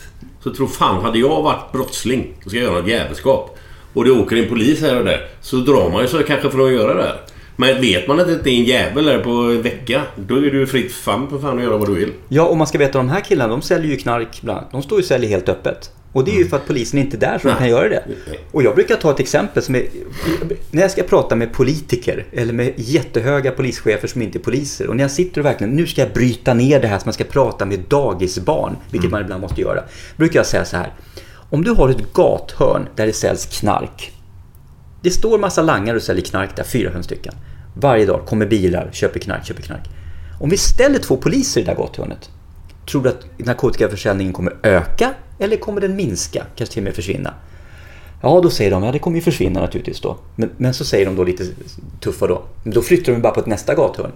Exakt. Och då flyttar vi de här två poliserna och ställer dem i det gathörnet istället. Då kommer de ju sluta knark. Jag lovar dig, när man har bytt kart, gathörn 18 gånger, då, är det ganska, då kommer man nog inse att fan det är ganska jobbigt att sälja knark här. Fan det är ju poliser överallt hela tiden. Vart vi än kommer så kommer polisen dit det är jobbigt. Polisen ska ju vara som en jävla blåslampa i arslet på folk som begår brott. Som jobbar med att begå brott. Det det, är sunt förnuft i min värld. Men det, känns, det, ja, men det känns, precis- känns som att det inte är prioritering på något sätt. Nej, och, och, och jag Vad vet fan är prioritering då? Idag är prioriteringen att åka på de akuta jobben. Det vill säga, akut, det finns så få poliser. Så Ja, men det, det handlar om att åka- släcka bränder bara egentligen. Bara då. släcka Ja. bränder. Inte finnas där innan och hålla på liksom med brandskydd. Tyvärr. Men Martin, om vi går tillbaka i tiden, för det är ingenting som hänt på natten om man säger. Det, det, alltså, när jag växte upp så hade vi en polisstation där jag bodde. Och man såg poliserna gick på Frölunda torg och patrullerade och man kände igen dem till slut till och med. Mm. Eh, och det där känner inte jag igen i dagens samhälle då. Så det känns att nedskärningar måste väl ha pågått ganska länge eller? Jag ser skillnad från någonstans runt 94-95. Mm. N- när jag började som polis och första åren där, då var vi mycket poliser. Då var det mycket i Stockholm här, det var mycket poliser. Och jag vet inte hur det såg ut uppe i landet eller ute i landet, men jag antar att det var likadant. Det var mycket poliser. Sen hände närpolisreformen och helt plötsligt skulle väldigt många poliser ägna sig åt projekt. De skulle flytta till närpolisstationer och så satt de inne i ett halvår och tog reda på när inbrott i bilar skedde. Jag vet i Vasastan, Stockholm till exempel. Då satt ett par där och konstaterade att ja, inbrotten i bilar sker nattetid mellan klockan 03 och 07. Då sker inbrott i bil. Ja, bra att man tar fram det. Så tittar man på närpolischefen. Då jobbar dina gubbar antar jag mellan 03 och 07 dagtid, eh, nattetid. Nej, nej, nej, nej, de ska jobba dagtid för vi ska ha synlighet nämligen när folk är vakna. Ja. Så jävla idiot. Då tittar jag på honom och här, vet du vad, säger det, det, du, du, du kan ju inte mena allvar. Och det gjorde han. Det var en hög, det var en hög polischefs tänk. Det var synligheten. Det var det. Närpolisreformen handlar om synlighet. Synlighet, synlighet. Inte att beivra brott. Men syn, sy, synligheten har ju försvunnit helt för jag är ute på trafiken så ser inte jag en polisbil. Mm. Nej. Mm. Vi åkte från Göteborg till Stockholm här idag. Inte en polis. Spot the cop brukar jag säga till folk när jag håller föredrag. Lek leken spot the cop. Det vill säga, gå, Titta om du här, hittar någon snut ja, gå, gå härifrån nu. Titta om du hittar en snut någonstans. Ja, gå härifrån nu Och sen så tänk varje gång på när du ser en polis. Och som du säger, jag körde Kiruna fram och tillbaka. Det är 200 mil. Inte en polis. Nej. För ett par år sedan. Och det, men du kan gå ut på stan i Stockholm här. Du kanske kommer se en eller två polisbilar. På, om du går i fyra timmar i stan. Kanske en eller två polisbilar ser du. Det är för mig helt sjukt faktiskt. Ja, och så går du i London eller New York eller Berlin eller Tokyo, vad fan du vill. Du går inte ens 10 minuter innan du ser en polis. Men vad är, vad är grejen? Är det att människor vill inte bli poliser eller är det... Eller, eller vad, är, vad ligger grunden till att... Eller det finns för lite poliser, det fattar vi förstår ju. Men är det för att de inte vill bli eller för att det är för dåliga resurser eller ingen som vill liksom gå in i skiten för att de vet att de får bara... Det är bara jobbigt. Ja, idag slutar det fler poliser än vad som börjar polisskolan. Det är nummer ett. Och varför gör det så? Jo, därför det är för dåligt betalt. Mm. Alltså, du, du har 25-26 000 kronor i månaden. Alltså, det, det är, och sen är det ingen löneutveckling. Så det, det, folk har inte råd inte- eller råd, men de vill inte offra sitt liv och jobba treskift och slitas och riskera allting för, Och få stenar på sig. Exakt, för de pengarna. Utan man måste betala. Och är det mycket pengar det handlar om då? Nej, som vi brukar säga, 3-4 tusen mer i månaden. Det är vad det behövs att öka lönerna generellt med. Då skulle folk gilla det här. Men också är det så att det finns ju inte budget för att ha fler poliser. Polismyndigheten får ju en viss budget som ska gå till löner och det täcker x antal poliser så det finns ju inte budget för mer. Men tror du Jag att... tycker man, att, förlåt, jag tycker man hör det här med att det, det har tillsatts en utredning om detta nu och vi ska titta på detta ordentligt. Vad fan, och sen då? Ja, jag vet. Det händer ju inte ett skit. Nej. Jag läste idag, eh, eller idag var det inte, häromdagen här så stod det ju i, i tidningen, någon, eh, finansministern skrev att nu, eh, de vill satsa på polisen nu. Wow! Ja, wow. Äntligen! Och jag tänker bara så här, jag menar att du vill det. Ja, men det, är ju, det, det är väl inget svårt, det kan, det kan ju alla säga att de vill. Tala om istället att ni ska göra det. Och hur sen ni ska göra och det. när Och de när. ska göra det. Precis, och det är där du inte får. Det, det, Du som är polis. Mm. Nu är du i val 2018. Mm. När en politiker, politiker står och lovar då att de ska satsa på polisen säger vi. Så Mm. här mycket pengar och alltihopa. Och så vinner de valet och så händer inte det sen. Mm. inte det kriminellt? Jo, det är fan... Jag hävdar, jag hävdar att här, jag förstår inte att man inte inför det här i politiken. Nämligen att varje parti får skriva upp sina vallöften. Och låt oss säga att det är 20 stycken då. Om man sen inte har uppfyllt de vallöftena. Det kan alltid, finnas, det kan alltid finnas, det kan, det kan ske du ett världskrig eller det kan ske någonting. Det, det köper jag. Men sån där stora flyktingvågen som kommer. Det finns alltid saker i världen som kan hända som kan påverka. Men generellt sett, om man inte har uppfyllt dem där, då får man inte ställa upp i nästa val. Fängelse säger jag istället. Nej, jag säger bara så här, sorry. Ja, sorry, sorry Vänsterpartiet, ni får inte vara med nästa val. Nej. Eftersom ni har styrt här nu med Socialdemokraterna, eller de som har styrt. Nej, Vänsterpartiet har väldigt lite egentligen. Ja, de har inte mycket att säga till om, de är inte ens med i regeringen. Miljöpartiet och Socialdemokraterna. Ja. Ja, här har ni lovat de här sakerna. Ni gjorde inte det. Sorry, ni är inte med nästa parti. Nu låter vi Alliansen ta. Och Alliansen, nu har ni här. Vad, vad vill ni liksom... Vet du vad? I och för sig, då är det inget val. Vi har ju faktiskt inga politiker kvar då. Nej. Alla jävla politiker ljuger Nej, nästan. och, och får de inte vara med i nästa val, så ett parti, så, så, så blir det ju automatiskt skifte när, i och för sig, Ja. på. Då blir ja men varför inte ha så då? Ja men bra, ni lyckas inte. Då får borgarna ta över nu då i, i, och köra i tre år. Bra. Ja, ni höll inte... Ja, då byter vi igen tillbaka. De hade bara Men skyllt på hur, någonting hur gör man för att... Eh, prata med mig som en bebis nu. Mm. Hur gör man för att komma in liksom, i, Det brukar vi göra, i, i politiken? Liksom, hur, hur, Man går med i ett parti. Ja. Och sen så ehm, har jag inte kommit längre själv. Nej, nej, okej. Men sen så är det inga problem. Du kan ju kandidera till riksdagen, du kan kandidera till kommunfullmäktige, du kan kandidera hur mycket som helst. Och sen så måste du få, vad det nu är, 5% av rösterna i din valkrets. Och det finns ju massa regler på det här. Man, man blir ikryssad Ja, man kan bli det heter. personkryss, ja precis. Eh, Så att det går ju. Vem som helst kan ju komma in i riksdagen idag, men man behöver massa personkryss och hit och dit. Och även i kommunfullmäktige. Din, din kompanjon ska jag ha sagt. Inte kompanjon nu, men en Robinson-gubbe. Ja, just det. Gjorde ju så. Han satt i riksdagen, ja, precis. Eh, Jan Emanuel. En, Ja, eh, fan han träffade jag Mm, på faktiskt. Ja, det. Den rikaste sossen jag känner. En halv miljard va? Ja. Ja. En halv miljard? Ja, han tjänar bra pengar. Flyktingar bland annat. Och, Ja. Ja, paragraf 12 hem och sådana saker. Så att, ja. Men han är driven. Han var faktiskt med en av de första som åkte de värstingbåtarna. Jaha, var Mm. det det? Hade han den själv eller var han hans egen? Nej, han var med där som värsting. Ja, du Alltså, menar värsting så! Jag trodde, Ja. ja. jag trodde han gillar ju båtar och bilar och så. Ja, ja, ja. Var han ju åkt en sån? En seglats? Ja, han alltså? var en värsting som de skickade iväg där till Västindien och seglade sig det var han ja. med där? Ja, Det visste Vad inte har jag. han gjort för kriminellt då? det får du fråga honom själv. Det kan inte jag sitta här och säga. Men, eh, Men du vet det? Man kan vara på väg åt ett fel håll i livet och så Man håller på med dumheter som, Ja. ung, som ung helt enkelt. Ja. Ja. Då åker det- man till Västindien. Ja, de fick i alla fall. De blev ganska De, de, de omtalade. testade det som straff. Jag vet, de testade det som straff. Det är dit politikerna kanske vill Det låter komma. jävligt jobbigt. Ja, nej men jag säger också till min son, vad fan, du ska åka till Västindien. Går ni och rånar bank? Ska du ska till Ja, Västindien ska sen? åka till Västindien. Ja, men du, nu måste jag fråga en annan. Kan du siffror lite grann? Om vi tar 100 000 invånare. Hur många poliser ska det gå på 100 000 invånare? Vet du det? Eh, Ungefär. för- Har, har de någon sån här siffra överhuvudtaget? Ja, jag har ju siffran på eh, faktiskt, jag tror att det är så här 19, var det inte 19 poliser per 100 000 och sådär finns det nu tror jag. För jag tänkte så Det här. finns det nu. Ja, jag tror det. Det ska vara något sånt där. Kommer du ihåg när vi åkte hit upp Glenn? Så sa jag att från 2004 till dags datum så har vi svenskar blivit en miljon, en miljon Mer mer. Sen 2007, sen 2007 är det en miljon. Är det 2007 Ja, till och ja, med? Ja, ja. på 10 år. Eh, och Fast- då ja, måste ju polisantalet också ha ökat. Ja, för jag- tycker också det. Det är ganska ointressant att prata antal poliser. Eh, utan det är ju poliser per invånare som är Ja. intressant. För annars kan man ju säga att bostads, vi har ingen bostadsbrist kan man säga. För vi har ju dubbelt så mycket bostäder idag som för 30 år sedan. Ja. Men, ja. Det är så här, antal poliser per tusen invånare. Och då har vi idag 2,6. Och 2010 fanns det 2,16. Så det, det är ju i princip lika. Men det har legat ungefär, de sista 10 åren har legat runt två poliser per tusen invånare. Ja, men i Europa så ligger de på Ja, 5-6 va? Ja, nästan. Nej, jag tror att det är kanske fyra va? Ja. För man pratar om att det skulle vara 30 000 i så fall i Sverige. Vi är 20 000 poliser. Ja. Är det 20 000 poliser i Sverige? Mm. Men då är det inte poliser ute på fält. Nej, nej, nej. nej. Är det vad räknas med sådana som sitter på kontor? Ja, i Stockholms innerstad 2000... Eh, I Stockholms innerstad eh, 1997 så jobbade 57% av alla poliser i uniform i yttre tjänst. Alltså det vi kallar poliser som kommer och åker polisbil. Idag är den siffran 25%. Så det innebär alltså att 75% av alla poliser i Stockholms innerstad jobbar inte ute med brottsbekämpning. På tal om att vara synliga då. Ja. Ja, det är Så så. Kan man fråga sig då varför? Ja, det undrar jag också. Nej, vi, vi, förstår inte. Vi har ingen aning. Jag, snitt, när jag började som polis, då var snitttiden som man var ute och åkte radiobil, alltså vanlig ingripande polis, någonstans mellan 6-7 år. Efter det då så gick man vidare till andra saker. Man kunde bli, jobba som hundförare eller i piketen eller trafikpolis och så vidare. Men i ordningen i 6-7 år. Idag tror jag den snittet är ett och ett halvt i Stockholm. Alltså folk vill inte vara ute och jobba. Och det, det, det är det mest slitsamma du gör. Men det är också det sämst betalda.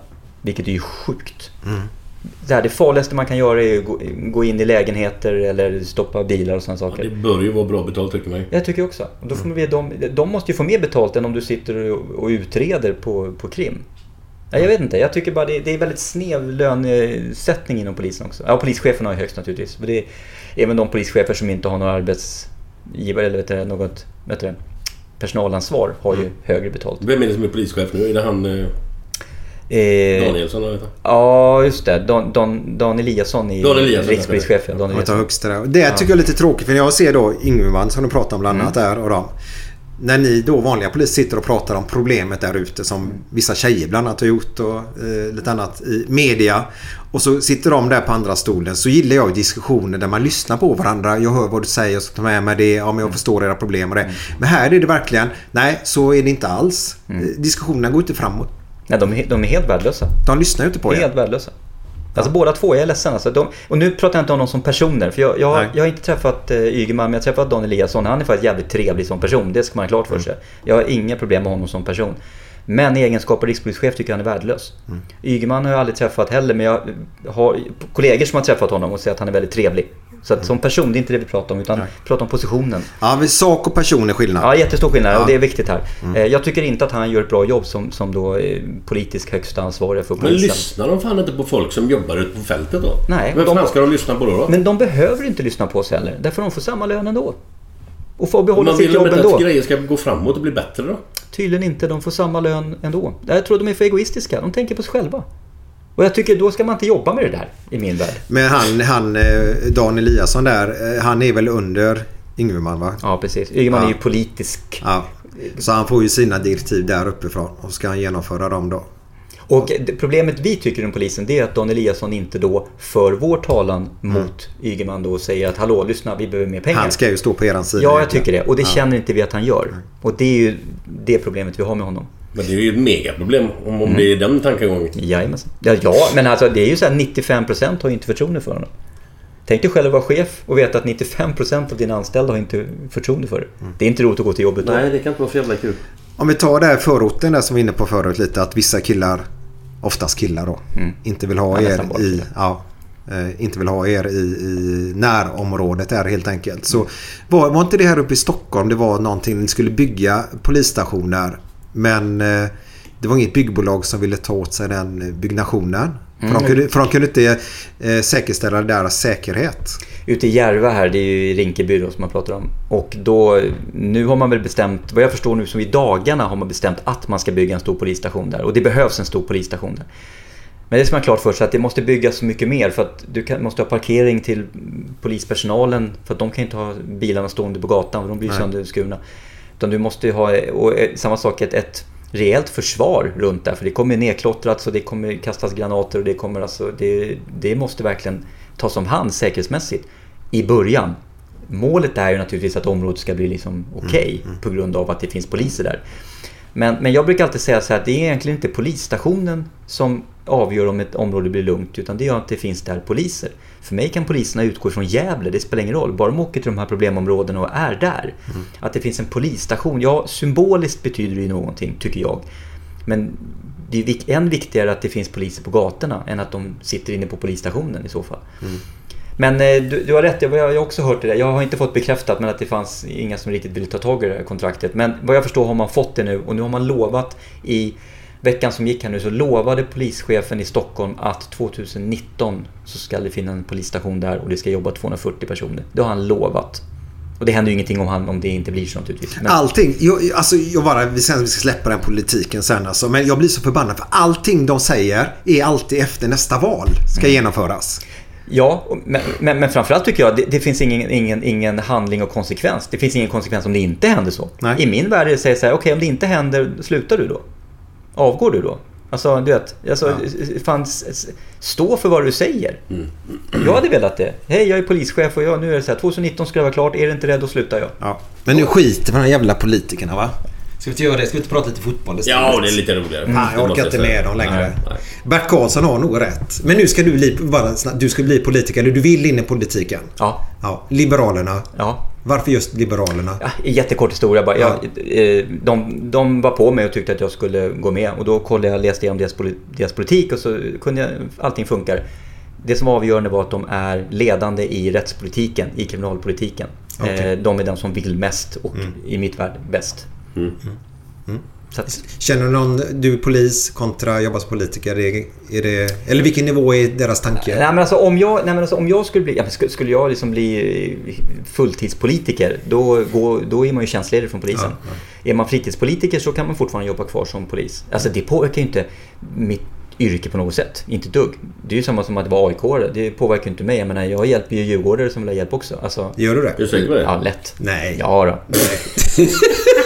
sen, sen har vi göteborgare. Då är... Då är det- en annan. Ja, Då får vi se. Mm. Men hur går det för ditt AIK då tycker jag? För vi är ju glada Raglan. Din son idag, ja. är ju som vanligt bäst på plan nu för tiden. Alltså vanligt vet jag inte men... eh, Jo, det är som vanligt säger jag då. Det är alltid så när jag pratar med hans son så blir han så här, ja men så där bra är han inte. Han är skitbra. Bra är han inte. Det säger jag väl inte. Så Ja. Ja, men du är ju Han lite blyg. bra. Han håller bra. Ja. Absolut. Och vi hade ju vet du, eh, eh, våran kära tränare för Blåvitt i våran podd. Och då sa vi till honom, det är bara att spela 4-4-2 och Tobbe på topp så blir det ju bra.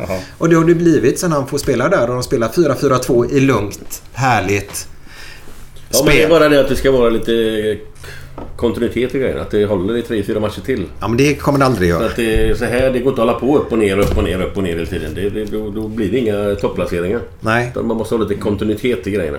Vi har en gäst, eller vi hade en gäst i podden som faktiskt trodde stenhårt på er. AIK. Det tror, tror jag också varje år. Ja, men han Mm. trodde det bara för ett litet tag sedan till och med. För han trodde att ni skulle köpa in ganska mycket klassspelare nu under Ja, fönstret. de har ju köpt vad fan, fyra, fem spelare nu ju. Jag har inte ens koll på hälften. Aha, ja, det har inte jag Ja, de har koll köpt på. massa, Ja, massa spelare. Namn där med. Jag kommer Ja. vad Jo, men klassspelare sa vi nu. Ja, men de menar ju på att de är klassspelare. Okej. Kanske, ja, okej då. Men duktiga i alla fall, säger de. Ja. Men problemet med Men är det svenskar eller är det finnar eller? Någon Ja, argentinare. Det var någon mörk kille var det. Någon Ja. namn alltså. Det, Nej. Ja, men någon argentinare, så var det någon från Norge och sen var det... Det, Ja, ja. det är inga svenskar alltså. Men AIK, alltså, ja, ja, alltså problemet med AIK är att de förlorar de förlorar de matcher som man, de på pappret ska vinna. Alltså, mm, det, det, de, de kan spela bra och jämt mot liksom de bättre lagen och sen så de här som de skall vinna, då vinner de inte. Det är ju tre poäng borta och då, då vinner du ju inte, då är du ju inte med. Bara fråga, vad är det som låter? Ja, förlåt, jag ska bort den här. Vänta, vet du vad det är? Låter? Det är sån här klock... Eh, vad heter det? Ja, Om, tack. man- om man har klockor som kostar Ja. över 10 000 så måste de snurras. Aha, okej. Det har jag aldrig haft så det är lugnt. Nej, är. Sen ska vi bara be om ursäkt. Det var lite dåligt ljud i första delen av podden idag också. Alltså, Men vi har löst ju det sen. Ja, det kan du inte skylla mig på. Nej. Det är inte jag som om tekniken. Men har ni någon framtidstro? Ni, ni fick ju 81 miljoner här nu av Isak va? Mm. Blir det väl kvar efter alla agenter och sånt eller? Ja, eller de fick väl 90 för honom va? Så ska vi räkna bort 20% minst va? Ja, är det så? Ja, Ja. något sånt. Skitsamma. ja. Ja. Vad, vad är... Ja men det fanns säkert hål. Alltså jag tycker att AIK alltid när de får väldigt mycket pengar eh, slösar bort dem. Ja. Det var ju samma efter Champions League där. Köpte Snackar vi 97 nu eller? 99 va? Och 99? 98 vann de, så det måste varit 99. Ja. Då var det väl ändå att de... Eh, vad hette han? Då köpte han, vad hette han? Andreas Andersson va? Andreas Andersson, Ja, ja. Blåvitt. Köpte de ju för enormt mycket pengar. Mm. Från England där. Och sen eh, då... Och han, lever, han blev i skadad till hans försvar då. Då brände de ju alla pengar. Och det fanns inga pengar kvar efter det Champions League-äventyret. Ehm, och det är samma nu, nu har de fått de här pengarna. Ja, vad gör de om det? Jag vet inte. Det- Jag, vet, jag, tycker, jag, jag tycker AIK styr, de som styr AIK har ingen koll på pengarna. Det är samma med hockeyn också. De får in bra sponsorer. Helt plötsligt bara pengarna borta. ja, vi känner igen det där. Men du, ja, exakt. Men hockeyn och fotbollen, jobbar de ihop eller? är det Nej, jag tror att det är, det är två skilda Ja. företag. Ja. Ja. Så att jag vet inte, men jag tycker ändå att AIK, man får inte, man får inte gnälla på AIK. Vad har vi haft? Topp tre sista tio åren nästan har det ju varit. Så att, eh, och 2010 var det ju kul. Var inte 2010 ett roligt år? Nej. Nej, det var inte. Ehm, så att, och, och efter det har det i alla fall varit, de har i alla fall varit topp tre. Sen de vann. Ja. Så att man, får inte, man får inte klaga på Men det var väl 09 va? Var det 09 de vann? Ja, det var nog. Okej. Det var den matchen Ullevi 2-1. Ja. Ja just det, två lax... Stjernström, eller vet han Tjärnström. Tjärnström. Ja, Tjärna. Tjärnström. Tjärna. Tjärna. Ska vi snacka stockholmska? Tjena, tjena, tjena. Ja, men han fick ju avgöra det här då och det tar emot faktiskt att säga att det var ju kul för er. Men du, hur mycket... eh, Ja. När du var inne på Champions League där. Hur gammal är du då? När de spelade Champions League mot Arsenal, Fiorentina och Barcelona. Ja, ja, ja. 32. Ja, ja, ja, ja. 32. Ja, ja, ja. Såg du, var du både hemma och borta? Nej, jag såg bara på TV tyvärr. Så jag, jag, ja, det gick inte att få biljetter till det där. Vilken Jag, jävla grupp ja, alltså. Och så, men, men mot Barcelona när de, när de, ska vinna. Ja, Ja, ja, alltså det, det är så... eh, Ska vi ta det lite snabbt vad som hände? För, för det var väl där han gjorde det vackra målet va? Eh, Är det mot Barca? Ja, han, ja, han lobbar över. Ja, precis. Ja. Och det är ju före detta andetränaren. Fick han sparken eller? Nej? Nej, han, lirar- han är fortfarande andelstränare. Ja. Han är fortfarande kvar. Ja, det var han jag som- Du uttalar man Novakovic. Ja, Ja. fantastiskt vackert mål ja, faktiskt. fantastiskt. Och det var då eh, Stuart Baxter uttryckte sig lite våldsamt där med... This is the... Han var lite förbannad där på domaren. När det, ja, men det var ju något byte där de skulle göra i samband med någon hörna. Ja, hörna ja. Och då, Och han hann inte komma in innan hörnan slogs. Och, Och så då fick han ett spel och han sa liksom This is the fucking Champions League. Ja. Och så bara vrålade han liksom helt galen. Ja men han sa ju något innan också. Det var ju inte bara... eh, This is not... Uh... This is the, this is the fucking Champions League. han. Ja, han sa bara det. Det är Ja, ingen jag tror- jävla Ja, okej. söndagsskola Ja, liksom. nej. Det här är Champions League. Ja, han var ju helt tokig på domaren. De gjorde ett byte helt enkelt. Då spelade han inte in till Nej. sin hörnplats. Sen kommer inte jag ihåg om det blev mål eller Jo, inte. Jo, man då. Blev det mål? Ja, ja, ja. Det var därför han blev Ja, förbannad. precis. Ja, men det kan man ju bli innan ändå. Men, ja. Ja. Men det var ändå, jag tyckte det var kul att se... Eh, det alltså, att se AIK... Alltså det, det, är ändå, det är ändå små lag. Det är ju bara konstigt att Sverige, det är ju det är inget jättenation på så sätt. Nej. Och möta de här jävla jättarna alltså. Mm. Det är ju stort. ja, det är jättestort det där. Spelade Jättestort. inte eh, AIK mot Arsenal på Wembley? Eh, för att de hade någonting på Highbury. Att, om inte jag minns helt fel. Det vet Jag kan inte det jag. alls. Det, men det är också roligt där, när, när det lottas så sitter man och jublar över att det blir en sån grupp. Mm. Vilket är ju sjukt egentligen för det hade ju varit ännu roligare om det varit eller lättare om det var någon tjeckiskt lag eller något sånt där. Ja. Men så får man möta de här stora därför man vill ha de här matcherna. Ja. Det är ju konstigt hur man tänker egentligen. Ja, men man vet ju nästan att man kommer inte gå vidare ändå. Då vill man ju gärna ha dem Nej, men och om se man, på dem. ändå då att de kan ha en liten chans att gå vidare om de möter liksom något danskt gäng eller och, och, Ja, men chan- chansen Holland. finns ju ändå lite grann. Den finns lite. Ja, här, Fast- Fast, här vanns det ju. Ja. Men vilka var det de... Spelade de oavgjort nu 0-0 eller vann de med 5-0 borta? Eller hur fan var det senast nu? Eller vilka, jag kommer inte ihåg, jag blandar ihop dem. Ja, ja, de var på Island eller var det Var det Färöarna? 0-0? Eller vann de 5-0? Fär, ja, det var något sånt va? Ja. Och de, imorgon är det ju...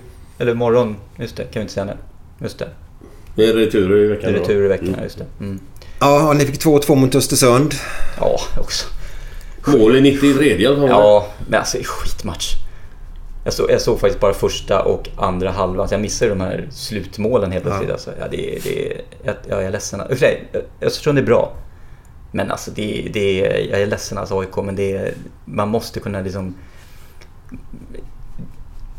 De... Ja, men jag, jag vet inte. Man sitter bara och tittar, det händer ingenting. Det händer ingenting. Och då, och då har vi bra, som han, vet han, Tern och eh, vet han, eh, Blomberg, vet han. Blomberg, ja. Ja. Vilka jävla... Alltså, det, är ju, det är ju spelare som tar bollen, går på mål. Det är det, det, det, de gör ju det. Det är inget snack om saker. Men ändå gör de inte det. Alltså det, det är så här, fortsätt, de, är- det de är duktiga på. Fortsätt gå, gå! För det, istället så det ska det trixas tillbaka. Och så har man ett övertag och sen helt plötsligt pang så är man borta tillbaka och, och hemmaspelar till målvakten. Man bara så här, behåll trycket. Alltså håll... AIK är ju det är ju ett bra lag. Ja, ja, ja. Men håll tryck, alltså håll tryck, tryck, ligg på. Verkar som att det inte är något självförtroende att, liksom att vad heter det, föra spelet. Alltså föra, jag, jag, jag blir bara... Gå Men på. just detta känns som att de flesta supportrar idag brottas med. Alla tycker om sitt lag. Nästan. Ja, men alltså jag kan vara part, alltså, som jag sa, jag, absolut att AIK, som jag, ja, nu ska man inte prata illa om AIKs försvar här nu, bara för att de är 100 år som, som spelar där. Men, men alltså det är klart att det har ju funnits luckor där bak. Det är ju inte snack om den saken. Eh, och det tycker jag man självkritiskt kan säga. Och man har ju något målvaktsproblem nu, det ska man ju inte sticka under stol med heller. Att Nej. Unga killen är ju, gör väldigt bra men ibland lite enkla saker också. det- Och grep. han kommer ju göra lite tabbar. Han är väl också Ja. född 99 eller? Ja, något sånt. Samma som, Som. Pontus. Ja, Ja. Blåvitt. Och Pontus är ju jätteduktig Ja, ja. eh, och lugn om man så säger. Medan era målvakt har gjort lite så här, kan vi kalla det juniormisstag Ja, eller? men lite, precis. Men Man ska stå nära stolpen om de kommer från vänster liksom. Ja. Eh, Men samtidigt så gör han ju väldigt bra grejer också. Jag brukar åka upp ibland och kolla på träningarna på Karlberg. Och, ehm, vilket är roligt för man kommer så pass nära och man ser. Och, och där är han ju skitbra. Alltså riktigt, riktigt bra. Så att, eh, men, men, men man ska nog inte sticka under stol med att, att AIK har ett problem där bakåt. Och då, då är det klart att det kanske avspeglar sig även framåt. Jag vet inte. Men hur är, hur är du på matcherna liksom? Hoppar du och studsar som en jävla dåre eller gapar och skriker eller sitter du lugnt och stilla? Det beror på, det beror på var jag sitter. Jag har ju kompisar som, har, eh, som är journalister och då får man sitta på pressläktaren ibland. Och där måste man ju vara supertyst och neutral. Man får inte, man får inte ens säga någonting. Är det så? Ja. Fan vad tråkigt. Ja, jag vet. Men, men det funkar. Eh, Det är ju gratis. Ja. Och, sen, och ibland så blir man ju inbjuden då får man ju sitta på, på ja, VIP-läktaren eller något tråkigt bås. Eh, och där kan man ju köra på. Det är ju bara, det är ingen som bryr sig. Och ibland så har det hängt att jag har varit i, varit i klacken. Eh, eller sektionen ovanför i så fall, om det är på Friends. Och då är jag, jag går ju all in. Alltså jag kör ju, alltså, jag visar ju absolut vad jag tycker och tänker. Hur är Friends? Jag tycker det är en tråkig arena. Så stor. Så Det känns bara så här opersonligt stor. Jag har inte varit i Tele2 än. Jag skulle gärna, många pratar sig varma om Tele2 Arena. Så att den är Ja, det är bra. så. Men den är ju lite mindre i alla fall. Ja. Ju- Så att Friends, jag vet jag tycker Friends är väldigt... Jag har varit på Friends när det varit fullt också. Jag har varit på landskamp där det har varit fullt. Och jag tycker ändå inte det blir liksom bra känsla. Ja, jag har hört att akustiken heter det va? Är lite eh, sådär. Men det, jag tycker inte det spelar någon roll om de har öppet tak eller stängt tak. Det, liksom, det blir ändå inte den här samma känslan. Jag vet inte vad det är. Det är svårt att sätta fingret på. Och så jämför man med Råsunda som var liksom på, hade sitt ändå på något sätt. Tycker inte jag Råsunda var någon så här kanonarena heller. Nej men det var eran borg i alla fall. på något Men sätt. på något sätt, det gick ändå i som... Jag vet inte, det fanns någonting i, i, liksom, i, i sätena där som, som var härligt. Mm. Så att jag, vet inte, jag... mm, Jag tycker Nej men om- när du går på landskamper på Friends så är Mm. det ju väldigt... Det är inte sådär jättestämning. Nej, det är men om du, om, du, om du är på ett EM-slutspel eller VM-slutspel med Sverige. När svenskarna kommer utlandet. Ja, då jävlar. jävlar vilket Ja. tryck det är då alltså. Då är det enorm stämning alltså. Ja men det är ju samma människor som åker dit om man har ett Ja. syfte då. Fast varför kan man inte göra det på hemmaplan också? Det vet jag inte. Det är jävligt Det blir så jämnt. Ja. Ja. Var det inte EM-slutspelet när de hade, när det var typ, det var bara svenska på läktaren. Det var bara gult och blått. Ja, det var helt sanslöst. det är sjukt. Alltså äger arenan i princip. Det, var en det speciell börjar ju 04 Ja. där lite grann. Ja. Och sen 06 så blomstrar det ut i Ja. Tysk- Tyskland där. Men det Totalt. Ja, för det Kiev var enormt. Ja. För då spelade Sverige tre matcher på samma arena. Men svenska supportrar som säger så fort man åker iväg Mm. är fantastiska. Men varför kan man inte få det på hemmaplan då? Det är klart att det har med... Ja, jag, jag säger fortfarande att det är, det är för många köpebiljetter. Alltså inte köpebiljetter utan Ja, sponsorer, sponsorer. sponsorer Ja. kan vi kalla det då. Och lite... De där som kör de här fina bilarna som du pratar om som inte vill ta en tillsägelse. Mm. Eh, Även de går med sina barn dit då. Och de sitter och tittar och applåderar. Ja. Men, inte- men inte mer än så. Men, men ska man flytta, skulle det funka om man flyttar då? Om man la istället kanske börja spela i Göteborg exempel? Du, ja, om du hade flyttat som de gör i Spanien då. För där flyttar de ju runt sina... De har ju inte samma arena hela tiden. nej. Och hade du fått den ner till Malmö, till Göteborg. Så jag tror fan att alla vi fotbollssupportrar i Göteborg hade gått på den matchen då. Tror sjutton det. Eh, Men så var det ju så här eh, förr. Så fick vi ju typ Luxemburg-matcher och sånt här nere i Göteborg. Malta. Malta och de här matcherna. Och alltså, tack för den. Göteborg, det Och då visade ni att nej, ni var inte heller något bättre supportrar. Nej, för då byggde vi ut Gary Sundgren. Ja, det skäms jag för än idag. Alltså. Ja, Det var för jävligt. det var det. Ja. Du kommer ihåg eller? Ja, Gary kommer ihåg, men vad var det han... Ja, men han gjorde ju... De spelade en skitmatch nere i Göteborg, svenska landslaget. Mot Eh, Luxemburg tror jag det var. ja. Eh, och så är Gary Sundgren med. Och så tror jag de gör någon frispark eller någonting. De petar och så blir det misslyckat. Han missar bollen eller någonting. Och, det, och sen var det visselkonsert varje gång han fick bollen ungefär. Jo. okej. Och det är tragiskt är det. Ja, det jag skäms. Ja, det gör man inte. Det gör man, Nej. det gör man inte. Det gör man inte mot sin landslags... Jag tycker överhuvudtaget det här när man visslar ut eller behöver sina egna supportrar. Jag tycker om man gör det, då gör man det i så fall efter matchen. Om man vill visa missnöje. Jag tycker fan inte man gör det under matchen. Jag tycker det, jag vet inte, jag tycker det är dåligt. Det är bättre att stötta än att liksom dissa. Tycker jag. Ja, ja. Jag är med dig till 100 procent. För att det- Jag förstår väl att de är besvikna och sådär. Men vad fan, det kan, kan du ta efteråt då? Ja, lite grann någonstans. Att, och jag tror även att och Så spelarna... vad fan hjälper det att de buar? Skulle In- spelarna bli bättre då eller? Ja, exakt. Nej. Och spelarna känner ju själva när de... Men det, spelare vet väl om man har gjort en dålig match Ja, eller ja, lag. ja, ja. inte det. Men den kommer vi till han 99 då, era målvakt. Mm. Det är ju skillnad att vara duktig på träning kontra match. Mm. För att spela match är ju betydligt mer nervigt helt enkelt. Ja, sen det är också, får inte glömma tempot. Allting Ja. ju, alltså, som du säger. Det, ja, det, ja, frågan om det är nerverna, ja det är klart. Men det är tveksamt. Jag tror snarare bara det att det behöver få in rutinen helt enkelt. Mm. Man är ju väldigt ung om man är 18 år och spelar. Ja men så är det. Han är väldigt hälsomålvakt också. Då. Vi har pratat om reglerna att det är lättare för en 18-åring i forwards eh, Ja, ja, att Ja, debutera. ja, ja, visst. För där kan du bara lyckas egentligen då. Ja, eller det syns ju inte lika mycket heller Nej. om du gör bort det. Så det... Ska vi se om du blir politiker framåt i tiden här nu då? Ja, det får vi se. Ja. Vi får se. Om det blir så, så lycka till. Ja, tack. Jag ska göra mitt bästa. Och... Ska du ha semester nu förresten? Eh, jag har semester nu ett par veckor från polisen men eh, jag sitter och skriver. Så att jag är inte ledig från mitt skrivande Ja. böckerna. Du har släppt tre böcker innan. Mm, håller på med fjärde. Ja, vad ska den heta? Är det bestämt? Ja, ja, det är förlaget vill ju tycka till. Arbetsnamnet är Busjägarna. Som handlar just om polisen i förorten. Som jagar buset. Ja, faktiskt. Eller rätt sagt, eh, buset jagar polisen i början. Och sen får vi se vad som händer om det Ja, det är lite vänder. katt och råttalek där ute ibland. Ja, det är det också. För de ringer ju ut er att det har hänt grejer och så står de med sina sten och väntar till ni kommer då. Mm, vilket också är helt sjukt att det händer. Ja. Faktiskt. Men det, det ja, men så, så ser Det verkligheten med ut. hänt, eh, jag känner en brandman i Göteborg. Det här händer ju brandmän också. Mm. De blir kallade till platser och så står det en jävla idiot och kastar sten. Alltså, Alltså det är så sk- det är hur, hur i helvete tänker man liksom? Ska de åka ut och rädda någon? Så ska de få sten på sig. Det är sinnessjukt. Helt Alltså- sinnessjukt.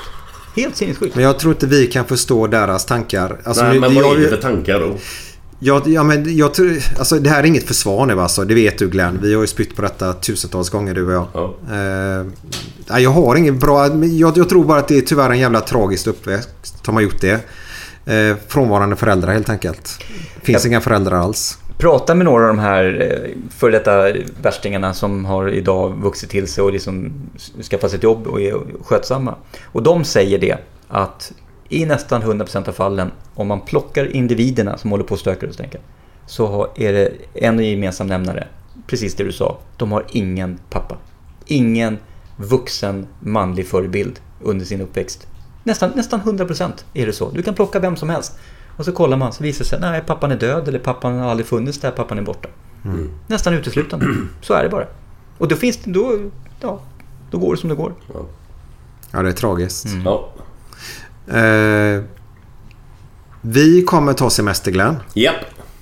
Glenn ska iväg och göra en inspelning. TV-inspelning. Får man säga va? Ja då, absolut. Ja. Så han är borta i augusti och halva september där. Oj, Lite gör grann. Robinson. Ska du vara min Nej, Robinson? säga så här, nej. Det är jätteroligt. Nej, det kanske inte. Vem vet? För de ska ju spela in i augusti, september. Ja. Så man vet aldrig. Vad roligt om det var det. Ja, det hade varit jättetrevligt, Ja. men ingenting jag vet om. Nej. Men jag menar det ännu roligare om det nu verkligen var så. Ja, men vet, det får vi se till vintern. Yes, helt yes, enkelt. yes, yes, yes. Så vi kommer att ta ett uppehåll nu Glenn. Ja. På två eller tre veckor. där vi Jajamän. ska spela in de avsnitten som kommer när du är borta istället. Japp, japp. Det är bättre att ha av eh, vet du, semestern under semestern och så kör man dem då. Just det. Fan, ni, ni, ni är så begåvade. Jag vet. Många som säger det. ja, det är ju otroligt. ja, men du är välkommen. Jag har en sista fråga till dig. Ja, kör. Du är född här då som jag kallar det, Hammarbyland. Ja, okej. Ja. Lite, ja. nu säger Djurgårdsland också nu Men jag kan inte förneka. Jag är född Det är väldigt långt ifrån Solna. Mm. Eh, varför blev du AIK-are? Ja, Man föds ju till det då. Men om vi bortser från... Shit, fick han den? Helvete. men om vi bortser från det då. om vi bortser från det så är det faktiskt min pappa. Min pappa som, som eh, introducerade mig det. Ja. Och min pappa var AIK-are. Och eh, jag minns när jag blev aik jag var sex år och vi gick på gatan. Så frågade jag min pappa vad han hejar på för lag i fotboll. Och då förklarade han för mig. Och då man ändå veta att min pappa är gammal. Han spelade i Mönsterås och någon provmatch för Kalmar och så här grejer. Så att han ändå liksom, Kalmar hade legat närmast för honom. Men han insåg ju det här att man kan föda sig någonting och så kan man ändra sig till det bättre. Eh, vilket han gjorde. Då sa han till mig att jag håller på AIK, min son. Så. Vet att du också kan förändras till något bättre då? Bara så du vet, för du själv sa orden. Man kan aldrig lära gamla hundar att sitta. Ja, men det var så du blev ja, AIK så pappa, pappa är aik och eh, då blev jag också aik Ser man vilken makt man har som förälder? Ja, och jag, försöker- jag har, mina söner då introducerar jag till det. Och grabben har fått, eh, Felix har fått aik och Charlie han vet inte ens, han tror fortfarande bollen i fyrkanten alltså. Okej. Så han har ja. inte fattat än. Nej, men det är okej. Ja, men jag är, är ju på det. Nu, hans mamma är ju från, Göte- är ju från eh, västkusten då, Camilla. Så att det ligger lite Göteborgs liksom, mm, påtryckningar från henne där. Men för att jävlas med mig. Ja, men det gör hon rätt i tycker jag faktiskt. Ja, jag vet inte. Men du, är det, mycket, är det mycket snack på polisen, fotboll? Ja, alla. Det är väldigt mycket. Det är alltså överhuvudtaget idrott, sport. Väldigt mycket. Så det är... Eh, men jag hade tur att jobba med en aik här under fyra års tid, så det var ju tur. Nu slutade han här faktiskt precis i våras, så jag vet inte vad jag får för ny partner här nu i höst. Vi är ju lite avundsjuka på er här uppe, för ni har ju riktiga derbyn i alla fall. Mm. Eh, och jag kan tänka att på era arbetsplatser då så har ni det goa tugget mellan djurgårdare, aik och hammarbyter då va? Eh, och det saknar väl väldigt mycket i Ja, Göteborg där. mellan Gais, ÖIS och. Blåvitt då som är det alliansen som vi kallar det i Göteborg då. Så vi saknar det lite grann där nere. För det är väldigt trevligt att ha det på en arbetsplats. Man kan jävlas lite. Ja, absolut. Och det är nu, framförallt på min arbetsplats är det ju Hammarby tyvärr. Det är Ja. fyra, fem stycken Hammarbyare. Och det har blivit väldigt många Hammarbyare de sista åren. Alltså det är så... Helt plötsligt så dyker de upp liksom när Hammarby börjar spela lite bättre. går lite så, bättre. Lite bättre, ja. Ja. Så att eh, vi mobbar dem och de har till och med köpt så här säsongsbiljetter och vi sitter bara och hånar dem. Eh, Så det är mycket Hammarby och AIK. Och det gör ju ont då alltså när AIK förlorar mot Hammarby kan jag säga. Men det, Men de här gjorde ju faktiskt, de ska ha en applåd, Hammarby-fansen. De slängde in skon nu Ja, det senast. var faktiskt jävligt roligt. Såg du det? Nej. Häckens målvakt, hans sko gick sönder. Jaha. Och då tror jag det var slutet. Det stod 2-0 till, Ja, till 2-0 Häcken. till Häcken. Så den går ju sönder så han var ju tvungen att byta sko. Så han tar ju av sin sko. Då skickar Hammarby-klacken ner en sko till honom. Det är rätt roligt. Men jag tolkar det mer som att öka. Ja, ja på. exakt. Det var ju det de vi- ville. Ja, ja. Men det var ju väldigt roligt. Ja, roligt. Tyvärr var det en högerfot de skickade ner. Det var vänsterdagen som var så... Ja, ja, ändå roligare. Ja, men en målvakt kan väl ha två högerdagar. En sista, sista fråga då. Ja. 82 vann ju Glenn här. Uefa-cupen. Mm. Då är du i alla fall 15 år. Ja men alltså herregud. Alltså, ja. Hur, hur, hur upplevde du det här uppifrån? Nej men alltså det här, det här är jätteroligt. Det, alltså, det hela 80-talet med hela Göteborgs år, de här tre, fyra åren där när det var. All, alltså man, man hejar ju på Göteborg. Man satt ju och hejade på Göteborg. Det, alltså man satt ju framför TVn, man var ju klistrad. Och det här är också det här skillnaden mellan då att vara sån här super, super aik där du, du kan inte ens titta på en Göteborgsflagga i princip, eller Göteborgströja. Medan att vara då super aik som jag är, men ändå vara idrottsintresserad. Här var det ju, man hejar på Göteborg, man ville Göteborg skulle vinna. Så man var ju superklistrad och man minns ju alltså de här matcherna. Det var ju, det var ju återigen det här att, att möta bra lag. Men att faktiskt vinna. Och man njöt av att åh, nu, blir, nu ska de möta bra lag. Och man ville se bra fotboll. Och så går de och vinner. Det, var ju så här dubbelbonus. Så att, nej men gud, nej men där satt man och tittade på. Vi var ju... ehm, Nej men alltså alla, det var ju som Robinson, alla satt ju klistrade. Det var ju svenska, alltså det enade ju svenska folket och enade ju fotbollssverige på ett ganska bra sätt tycker jag. För alla, alla liksom var gl- gladdes åt framgångarna av Göteborg. Och jag tror faktiskt att alla fotbollsspelare gjorde det också för det lyfte ju Sverige på kartan och på något sätt och för fram. Så jag tror att det var jag var inte med när Malmö vann där, när var det 79 någonting? 79, ja. Då var det är lite för ung för, det minns inte jag så mycket. Men Göteborg, alla Uefa-cupen där. Tvåa kom de. Tvåa. Ja. Ja, två- Om Malmö torskade finalen. Ja, jag, var, ja, jag, jag var tvungen att Nej, säga men det är jätteviktigt. Ja, jag Det vet. jätte- Malmö har aldrig vunnit. Nej, nej, nej. Malmö har aldrig vunnit något stort kan man Nej, säga. nej, nej. De är SM-guld ibland, men det är ju inte Nej, så men det viktigt. räknas nej, nej. De har inte vunnit något stort alltså. Nu har inte AIK heller gjort det kanske. Men, men jag såg nu på, jag såg häromdagen här nu att, att AIK mötte Brasilien i en vänskapsmatch inför eh, VM 66. Jaha, Det oj. var lite kul då att, att AIK möter, Brasilien väljer AIK. 0-2 Oj. förlorade de eller 2 2-4 tror jag det blev. Men det måste ha haft något med att de var här i Stockholm då 58 då. Förmodligen. Så, Ja. ja. Någon kontakt knöts där och det. Säkert. Coolt. Ja, men som jag menade, det var på den tiden då när Brasilien och andra landslag valde att möta AIK i vänskapsmatcher. istället. Ja, exakt. De vill ha bra, bra motstånd. Ja, bra. Så det var bra.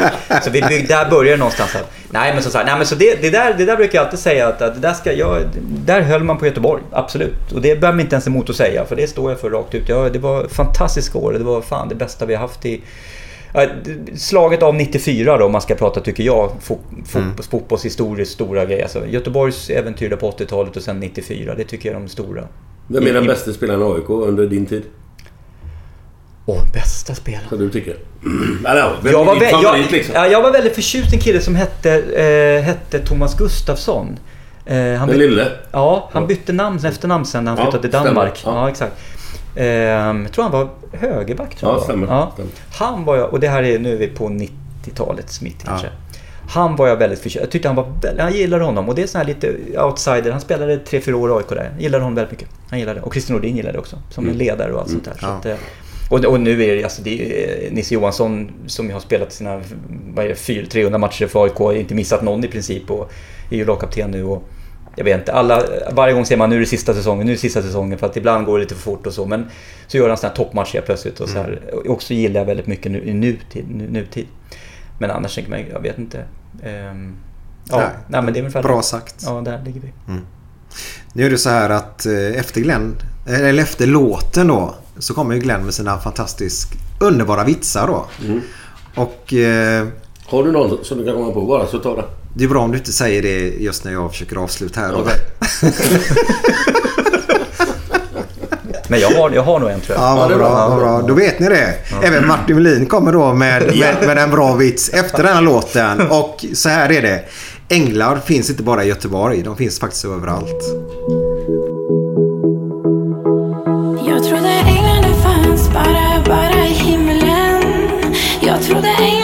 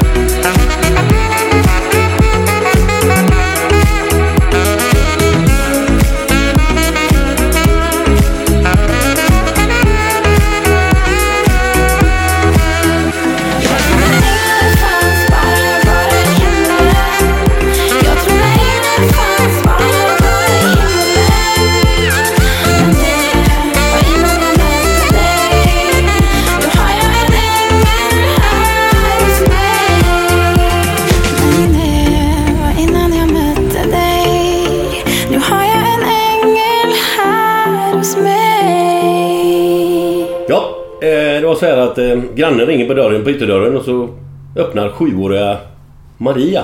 Sjuåriga. Sjuåriga Maria öppnar dörren med en cigarett i ena handen och en ölflaska i andra handen. Och grannen blir alldeles bestört. Då säger hon Men herregud, är din mamma och pappa hemma? säger lilla Maria, sju år. Vad fan tror du?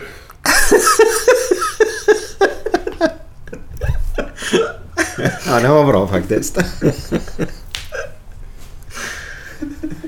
Det var en gubbe som körde taxi. Hade en kund i baksätet.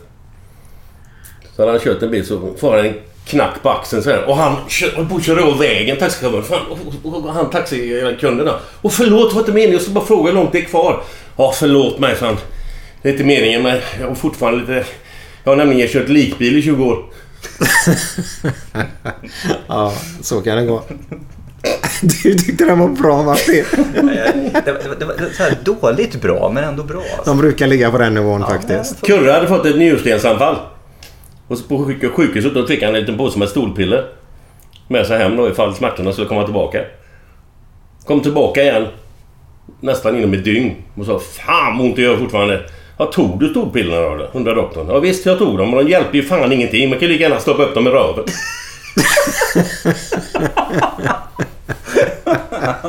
Ja, den var bättre också. Kom igen nu Martin, nu du. Ja, vet, vet, vet ni var, var någonstans man, man eh, köper billig eh, boskap? Åh. Korea. Ah! Men det var inte den enda du hade eller? Var det det? Ja, det är den enda jag har. Nej! Den är då. Den sista för idag. Det är paret och står och pratar med varandra. Så säger damen så här. Om jag skulle dö, skulle du gifta om dig då? Men vad är det för fråga? Säger gubben och skruvar på sig lite. Men herregud, det har jag aldrig funderat på. Skulle ni... eh, Skulle hon få flytta in i huset här då eller? Men herregud, vad är det med dig? Jag tänker inte på sånt. Skulle du låta henne ta över mina kläder? Nej, säger han. Det går inte för hon har tre storlekar mindre och du har... Ja, en trevlig, trevlig semester nu. Ses om ett par veckor. Hej då! Hej då.